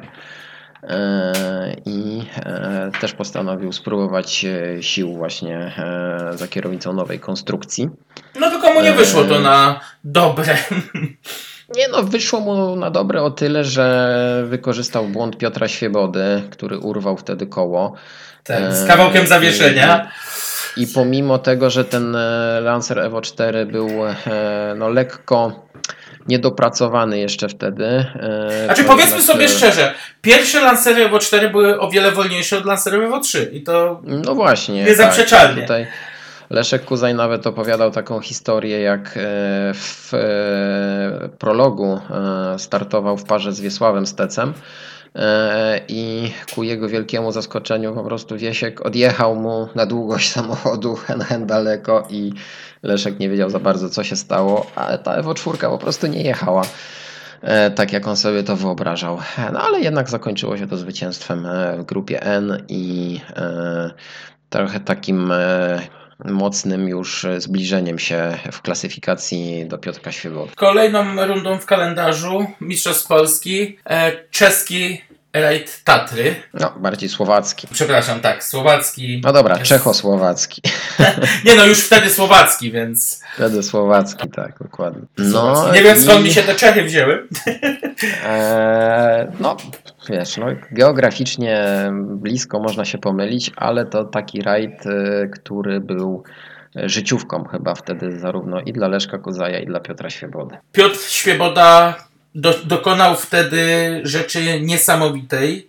Mianowicie wygrał rajd Tatry w klasyfikacji, przepraszam, był drugi w klasyfikacji krajowej. Znaczy był drugi w klasyfikacji generalnej, a pierwszy w krajowej. Wygrał generalkę, tak. Dokładnie. Tak, wygrał krajówkę, była to jego pierwsza generalka w Mistrzostwach Polski.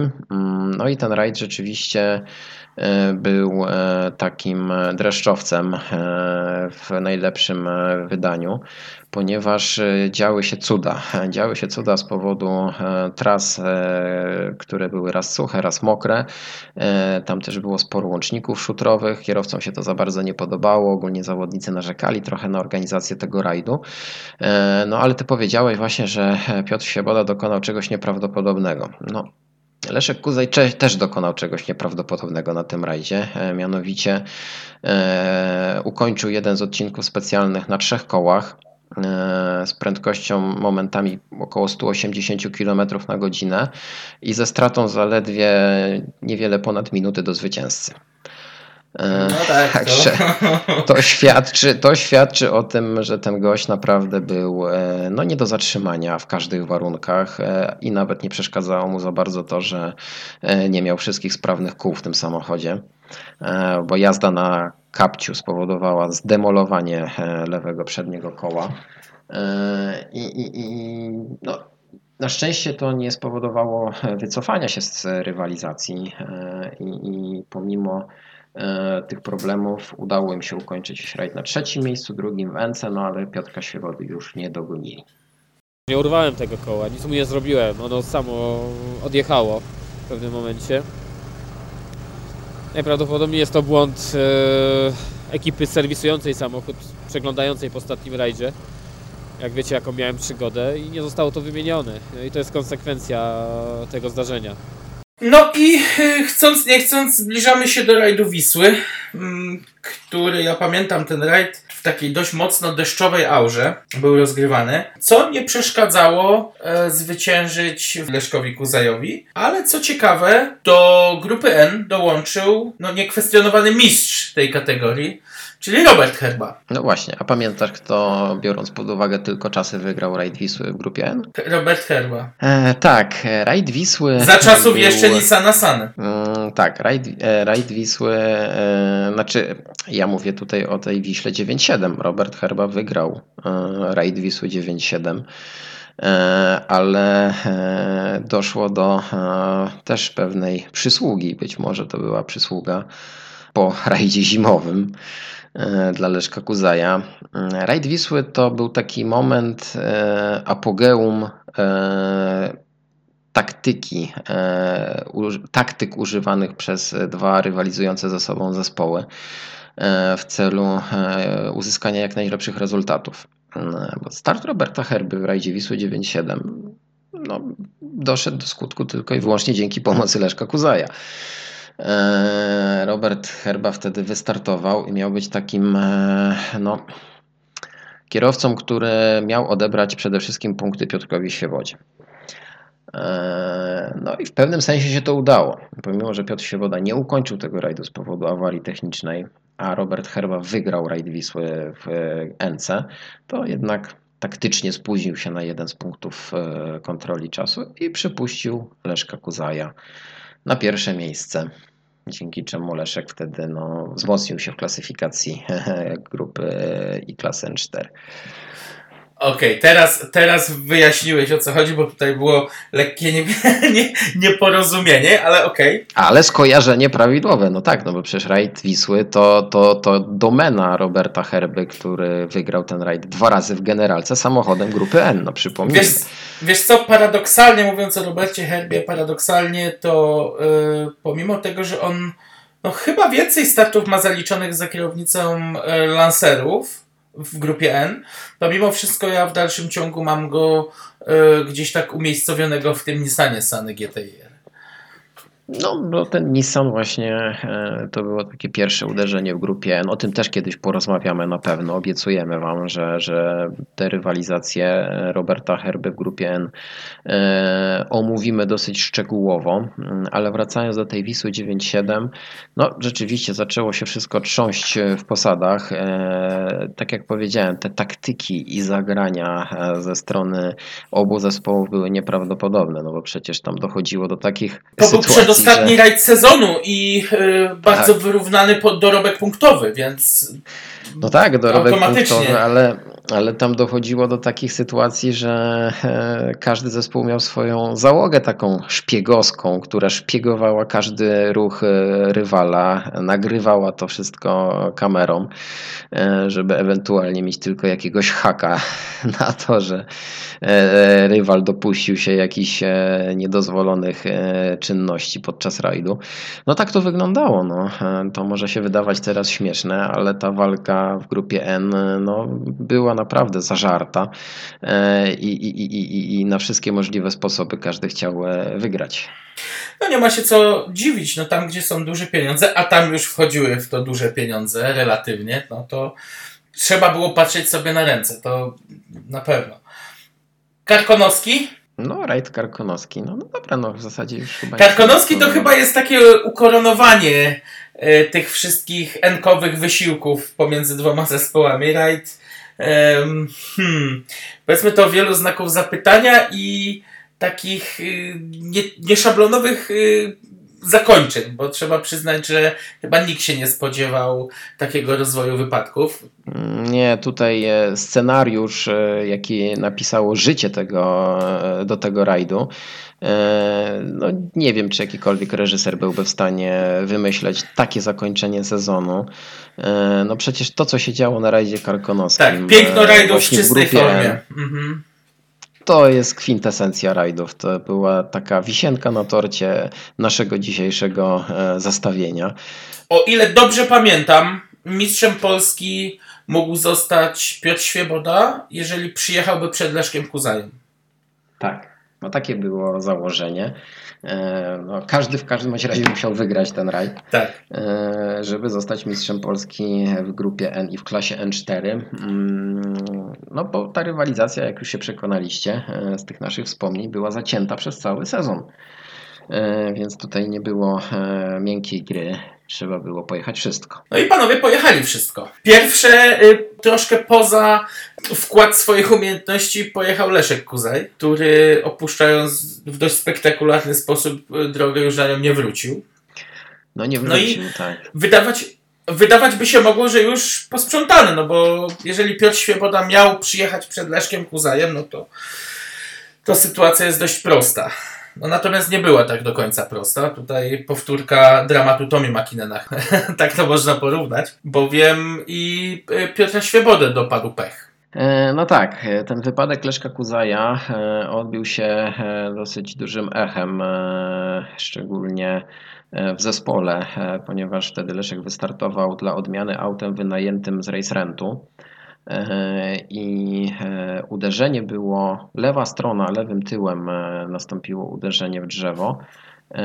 Było tak mocne, że Leszek Kozaj opowiadał, że tam na łączeniu, tym głównym łączeniu tych rur w klatce bezpieczeństwa praktycznie wszystko puściło. To auto było bardzo mocno uszkodzone, pomimo że wizualnie aż tak to nie było widoczne, ale jednak ta konstrukcja została mocno naruszona. No i ogólnie no, podobnie, w zespole... Przepraszam, że ci wejdę w słowo, ale podobnie, w podobny sposób swój samochód uszkodził Wiesiek Stec.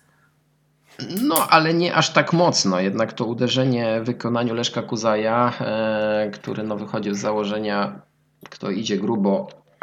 Tak, musi. Tak, tak. E, no było, było rzeczywiście e, solidne. Mm, no i w zasadzie tak jak powiedziałeś, wszystko mogło się wydawać już poukładane z góry.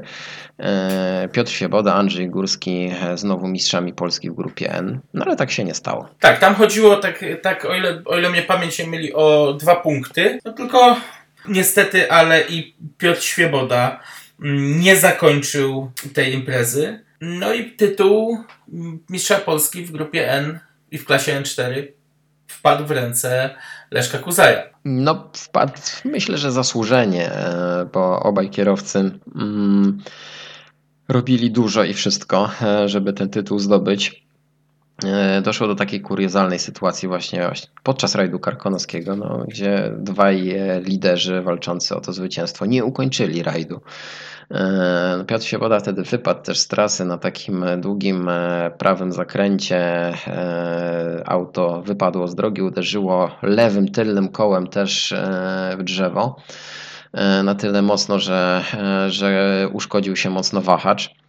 E, dotarli jakoś o własnych siłach e, do punktu serwisowego. E, naprawę zaczął serwis Wiesława Steca, który, który wtedy no, na, w, pewnym, w pewnym momencie współpracował z ekipą TEDxu. I wszystko byłoby pewnie w porządku, gdyby nie w tym samym miejscu, gdzie Piotr Świeboda wypadł Wiesław Stec, który wpadł na ten szuter no naniesiony naniesiony na odcinek specjalny i również uszkodził dosyć mocno samochód. Również lewy tył, na szczęście bez zmiany geometrii zawieszenia.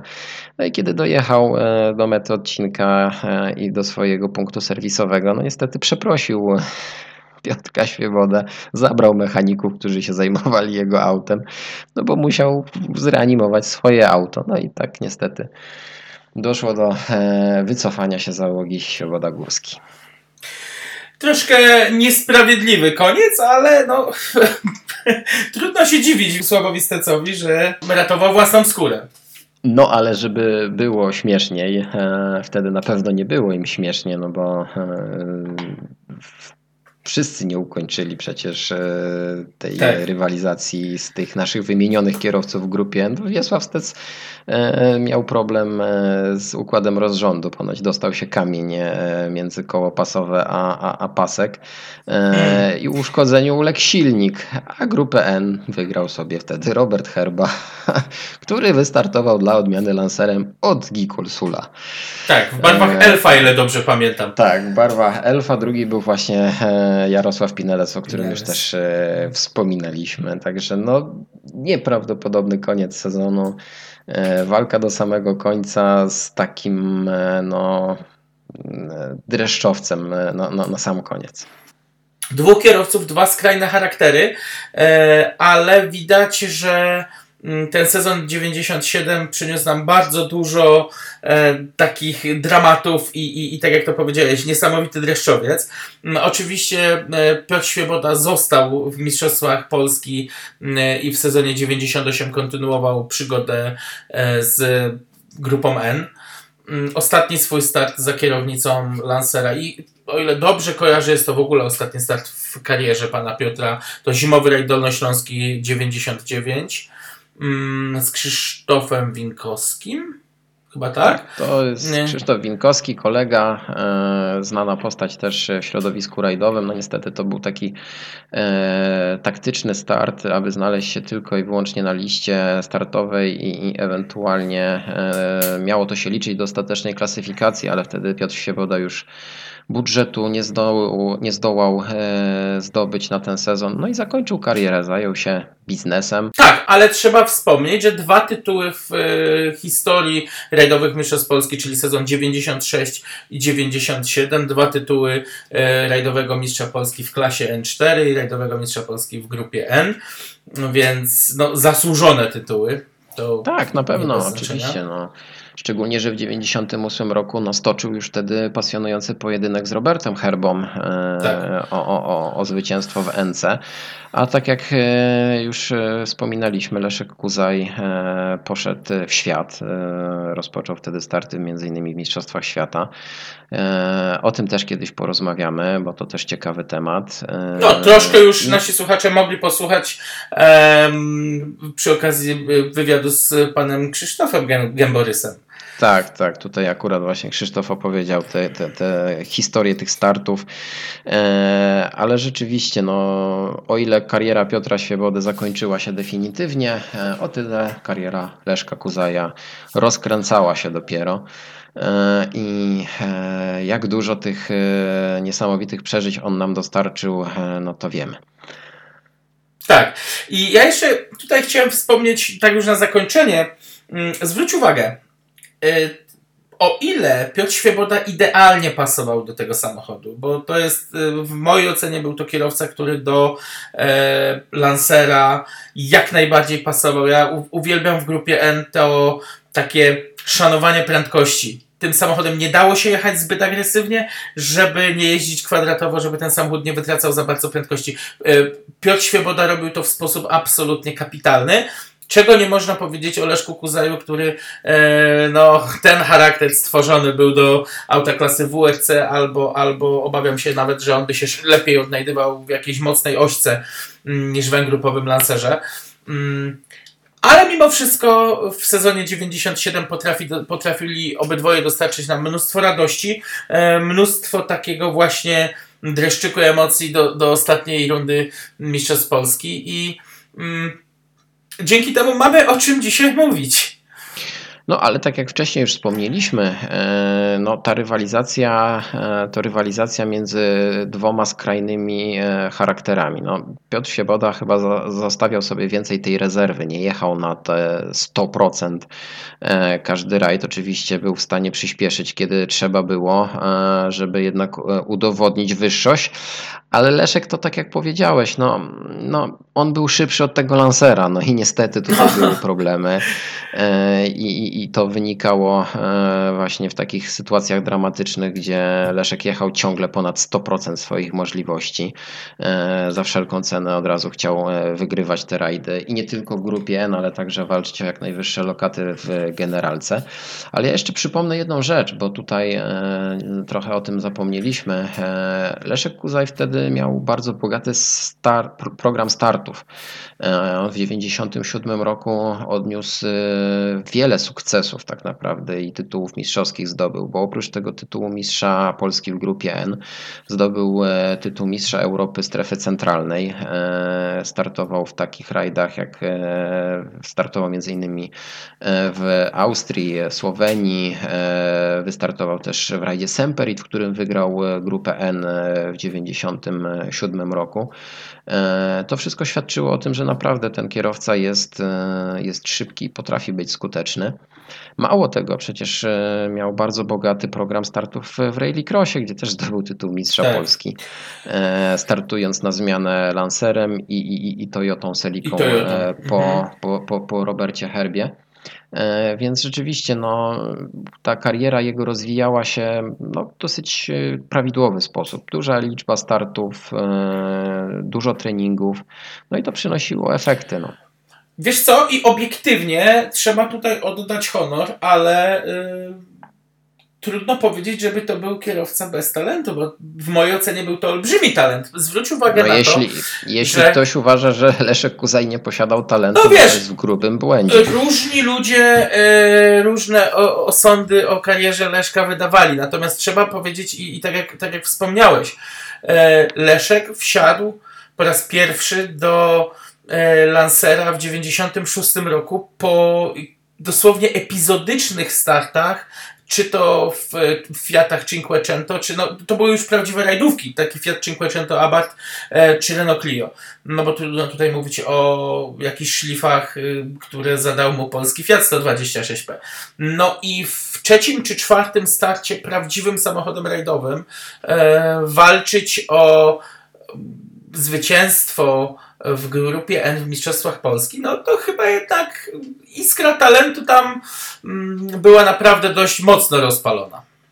Abstrahując oczywiście od tych e, takich przygód związanych bezpośrednio z samochodami, e, z jakimiś problemami technicznymi, czy ewentualnie z jakimiś takimi e, sytuacjami regulaminowymi, które pewnie były bardzo mocno naciągane przez oba zespoły, e, no to rzeczywiście Leszek Kuzaj wtedy no, zajaśniał jak najmocniejszym światłem na, na, na tym e, naszym rajdowym podwórku. E, I ta jego decyzja, dosyć kontrowersyjna, przecież wtedy przypomnijmy sobie decyzję o startach Mistrzostwach Świata, e, no, Gdyby może ona wtedy była troszeczkę inaczej przeprowadzona, inaczej ten program by wyglądał, może tam i, i, i w Mistrzostwach Świata Leszek wtedy pokazałby jeszcze lepsze wyniki. No jak było, pamiętamy, tak? Ale ale to też dobrze powiedziałeś. Leszek chyba za, za późno wsiadł e, do auta z takiego prawdziwej grupy A. Tak, zdecydowanie tak mi się wydaje i y, za późno wsiadł do samochodu agrupowego, natomiast tak jak wspomniałeś o startach Mistrzostwach Świata, wydaje mi się, że znowu z kolei to było troszkę za wcześnie. Znaczy może nie pod kątem jego wieku, ale pod kątem doświadczenia, bo nie oszukujmy się, mm, dwa sezony Mistrzostw Polski, no nie wiem, może się mylę, e, ale wydaje mi się, że jednak troszkę mm, brakło tego doświadczenia takiego międzynarodowego. No bo o ile Semperit, czy jakiś Gemer, e, czy Martiński, to były rajdy, które nam, one były zbliżone do tych, do tych rajdów e, bardziej takich no, geograficznie naszych. Natomiast jeżeli mówimy o Mistrzostwach e, Świata i, i, i mówimy o e, Radzie Portugalii, no to jest zupełnie inny świat. Nie oszukujmy. Okej, okay, tak, ale, ale tutaj e, zachęcam w takim razie e, do posłuchania wywiadu z Krzysztofem Gębą. Zdecydowanie miał tak. okazję wystartować w kilku rajdach z Leszkiem Kuzajem właśnie w Mistrzostwach Świata. Ale jak skoro to naprawdę jesteśmy... wyglądało? Ale skoro jesteśmy przy tym prawym fotelu, to z kolei dla tych cierpliwych słuchaczy mamy y, nie lada gratkę, bowiem o naszych bohaterach i o, o, o tych czasach y, wypowiedział się nikt inny jak pan Andrzej Górski. Właśnie, zapraszamy do wysłuchania e, na koniec e, wspomnień e, pana Andrzeja, za które serdecznie oczywiście mu dziękujemy i go serdecznie pozdrawiamy. Pozdrawiamy, tak. No a co, no my w takim razie kończymy dzisiejszy odcinek. Zapraszamy na następny. Mamy już Obiecujemy, że nie damy, nie damy tym razem na siebie czekać dwa miesiące. Tak, także dziękujemy Wam serdecznie e, i, i, i, za cierpliwość dziękujemy przede wszystkim, że czekaliście, że chcecie dalej nas słuchać. E, dziękujemy, do usłyszenia, a tymczasem głos oddajemy Panu Andrzejowi. Do usłyszenia. Druga połowa lat 90. E, to pasjonująca walka w grupie N, e, między innymi między takimi kierowcami jak Piotr Świeboda i Leszek Kuzaj. E, pan miał okazję startować i z jednym, i z drugim. Jak pan wspomina te czasy? Wspominam dobrze i z dużym sentymentem, dlatego że faktycznie, tak jak powiedziałeś, to, to była rywalizacja i to na całkiem dobrym poziomie.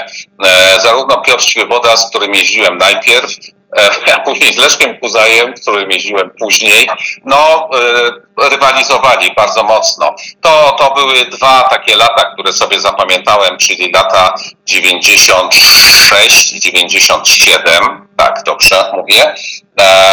Leszek Kuzaj wtedy tak pojawił się dopiero troszeczkę bardziej po jakiejś swojej dłuższej przerwie w jeżdżeniu. Miał Lancera podobnego do naszego. No, masa rajdów, masa przygód, masa wydarzeń. Ja, ja, ja, ja pamiętam takie sytuacje, że e, opowiem o dwóch takich sytuacjach. No, jak ta rywalizacja polegała? No oprócz szybkiego jeżdżenia i dobrego przygotowania do rajdów stosowano też, e, wpadaliśmy na różne pomysły powiedzmy i tak dalej, różnych technik. Zacznę od tego, że z jakiegoś powodu, nie wiem jakiego, i pomimo tego, że później cztery lata e, spędziliśmy wspólnie w jednym samochodzie z Leszkiem Kuzajem, ja się dzisiaj śmieję z tego oczywiście, jakoś od początku, kiedy Leszek Kuzaj mnie zobaczył, to, to niespecjalnie za mną przepadał. To, to, to w różny sposób się objawiało, nie jakąś specjalną agresją, no ale w momencie, kiedy gdzieś tam czasie rajdu były serwisowane nasze samochody e, na jakimś placu, w lesie, na jakimś parkingu, po, po, stojące po dwóch stronach przeciwnych tego parkingu. A Kuzaj był niezadowolony ze swoich wyników i, i powiedzmy zazdrościł e, nam jakiś e, szybszego jechania, powiedzmy i tak dalej, to uważał za stosowne z daleka na tym parkingu, no śmieszne się to wydaje dzisiaj, rzucać we mnie szyszkami cały czas, prawda, i tak dalej. Więc ja te szyszki też zbierałem, odrzucałem w jego stronę. Wszystko było fajnie i zabawnie, może do czasu, aż on kiedyś w zapale rzucania tych szyszek pomyliło mu się, zamiast chwycić szyszkę, chwycił kamień jakiś i rzucił. Nie trafił oczywiście, bo to był słaby, ale no tak to, tak to wyglądało. Pamiętam taki rajd, e, pamiętam taki rajd, e, to był jeden z rajdów Elmot w ówczesnym czasie, o bardzo zmiennej pogodzie, co chwilę padało, nie padało, były takie różne sytuacje. I pamiętam, był start do odcinka specjalnego z rzeczki do kamionek przez Sokolec ale start był na szczycie w rzeczce. Ja, ja, ja, tylko przypomnę wszystkim, że wtedy e, były takie czasy, nie było jeszcze parków serwisowych, więc serwisy krążyły za nami wszędzie. E, ich podstawowym zadaniem było to, żeby starali się być zawsze wszędzie i na starcie, i na mecie, w miarę możliwości, powiedzmy, i tak dalej. I pamiętam taką sytuację, jest ten start w rzeczce, ustawiają się po kolei te wszystkie samochody do tego startu, a my na terenie jakiejś posesji tam jeszcze trzymamy auto w górze, e, bo no nie możemy zdecydować na jakich oponach pojedziemy, powiedzmy, i e, a, a leje, potwornie leje. No i wszyscy, wszyscy decydują się na opony deszczowe i po kolei zakładają i szybko w tą kolejkę się ustawiają. My, my, my nie wiemy dalej, co zrobić i tak dalej. I wpadliśmy na taki pomysł z Piotrkiem Szwypodą. Pobiegliśmy na start tego odcinka. To bardzo blisko było, to, to, to, to odległości kilkudziesięciu metrów zaledwie. E, organizatorzy nie mieli łączności e, z metą, organizatorzy startu, ale wpadliśmy na taki pomysł wtedy i ja podbiegłem do policjanta, który tam stał, wychodząc z założenia, że kto jak to, ale policja musi mieć łączność ze sobą. I pytam się go, czy, czy pan ma łączność z kolegami na mecie lub stojącymi w, środku, w środku odcinka. I on powiedział, że to nie jest żaden problem i tak dalej. Zaczął ich wywoływać przez radio i zaczął się pytać, jaka jest pogoda, jaka jest nawierzchnia. I myśmy usłyszeli tylko mniej więcej już w skrócie powiem, że zarówno w środku tego odcinka, czyli w okolicach Sokolca, jak i na mecie jest absolutnie sucho jest piękna pogoda. A tu leje. Myśmy wpadli z powrotem e, do tego naszego stanowiska tych mechaników. E, oni już mieli deszczówki założone na aucie. Życzymy, że natychmiast zmiana, ubieramy suche koła, ubieramy sliki. E, no więc panika, bo start był dosłownie za 3-4 minuty, szybka zmiana tych kół, przekładamy, jakieś takie nerwowe wjeżdżanie w tą kolejkę. Pamiętam też Kubę Wroszkowskiego, który szedł wtedy z dłuższej kolejki, zobaczył jak myśmy podjechali na tych slikach, za głowę się chwycił i mówi, co wy wyprawiacie, przecież tak strasznie leje, wszyscy na deszczówkach jest, są. No i wystartowaliśmy, pełni obaw, czy nasze informacje też od tego policjanta, milicjanta wtedy są sprawdzone, i dosłownie, e, uwierzcie mi, e, przejechaliśmy dosłownie pierwsze no, kilkaset metrów, trzy, cztery zakręty, pierwsze od tego startu i nagle przestało padać i zobaczyliśmy suchy asfalt. Wiedzieliśmy wtedy, że to będzie knockout dla naszych konkurentów wszystkich. A jechaliśmy, całą, cały odcinek specjalny widzieliśmy po prostu ich rozpaczliwą walkę o jak najlepszy rezultat i tak dalej. Walkę w postaci czarnych śladów opon na tych wszystkich zakrętach, kiedy na tym suchym asfalcie mieścili te deszczówki, które im się ślizgały, nie mogli szybko jechać, więc się bronili i tak dalej, a my luksusowo w bardzo dobrym tempie zjechaliśmy na metę. Tam na mecie oni czekali wszyscy na nas. No, myśmy jakoś miażdżąco wygrali ten odcinek. E, I e, oczywiście Leszek Kuzaj podszedł do Piotra Świebody, złożył mu gratulacje. Mm, a do mnie wtedy jakoś powiedział tylko tyle, że to są moje, że tak powiem, jakieś nieczyste gry, które uprawiam tutaj, e, gry czarnoksiężnika e, i, i, i tak dalej. No przechytrzyliśmy ich wtedy wszystkich.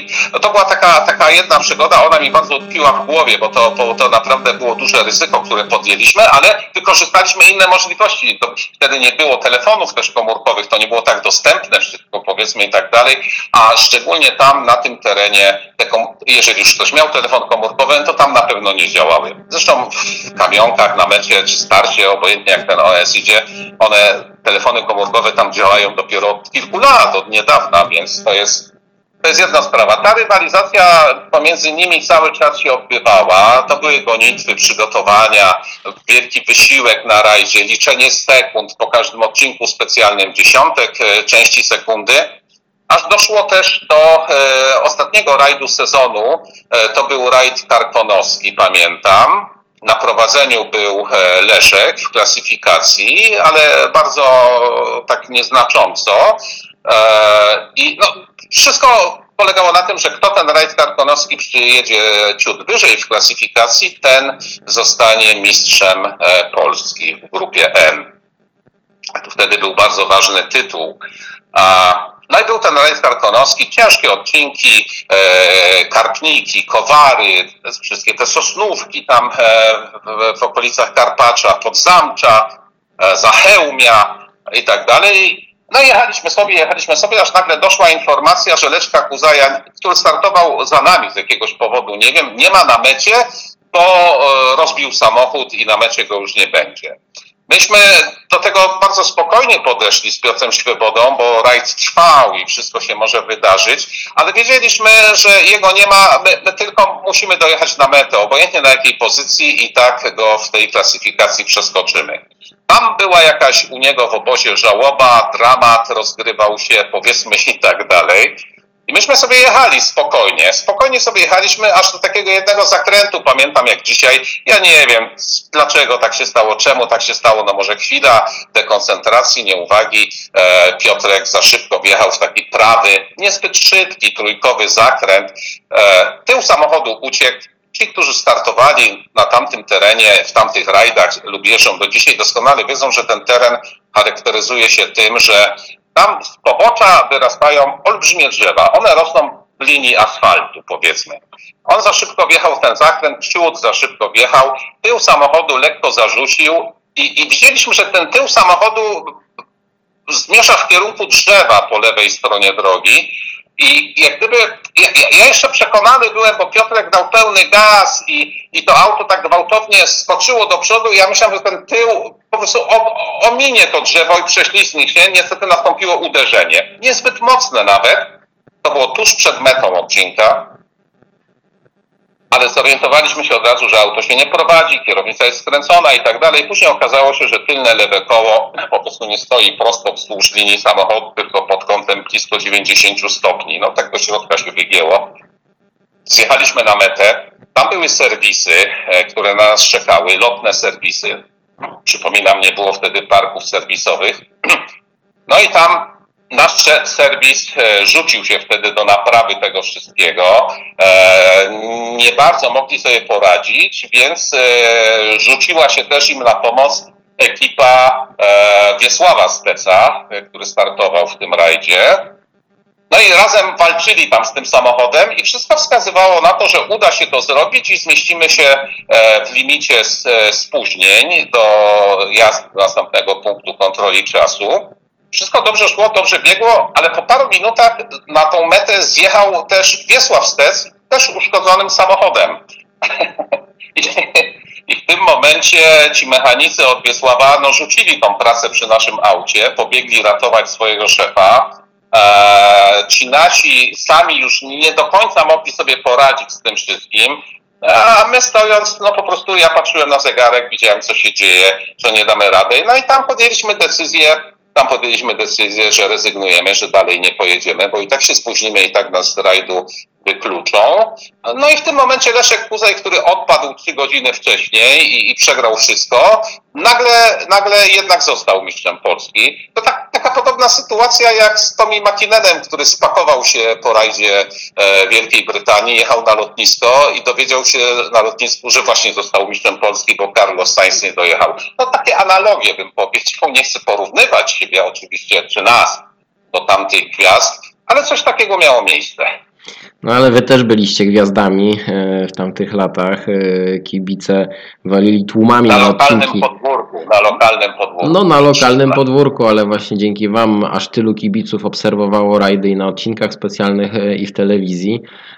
W 98 roku zaczął Pan starty z Robertem Herbą, ale w drugiej połowie sezonu usiadł Pan na prawym fotelu właśnie u Leszka Kuzaja, także te jego metody podrywu na szyszki w jakiś chyba sposób zadziałały.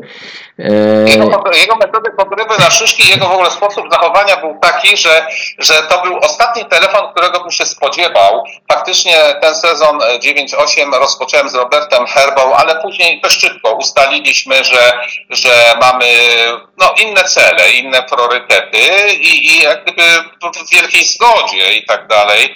Mm, e, Zaprzestaliśmy wspólnego jeżdżenia, utrzymując kontakty później dalej przez wiele lat dużej przyjaźni i zażyłości. Natomiast e, tak się to wszystko e, wydarzyło.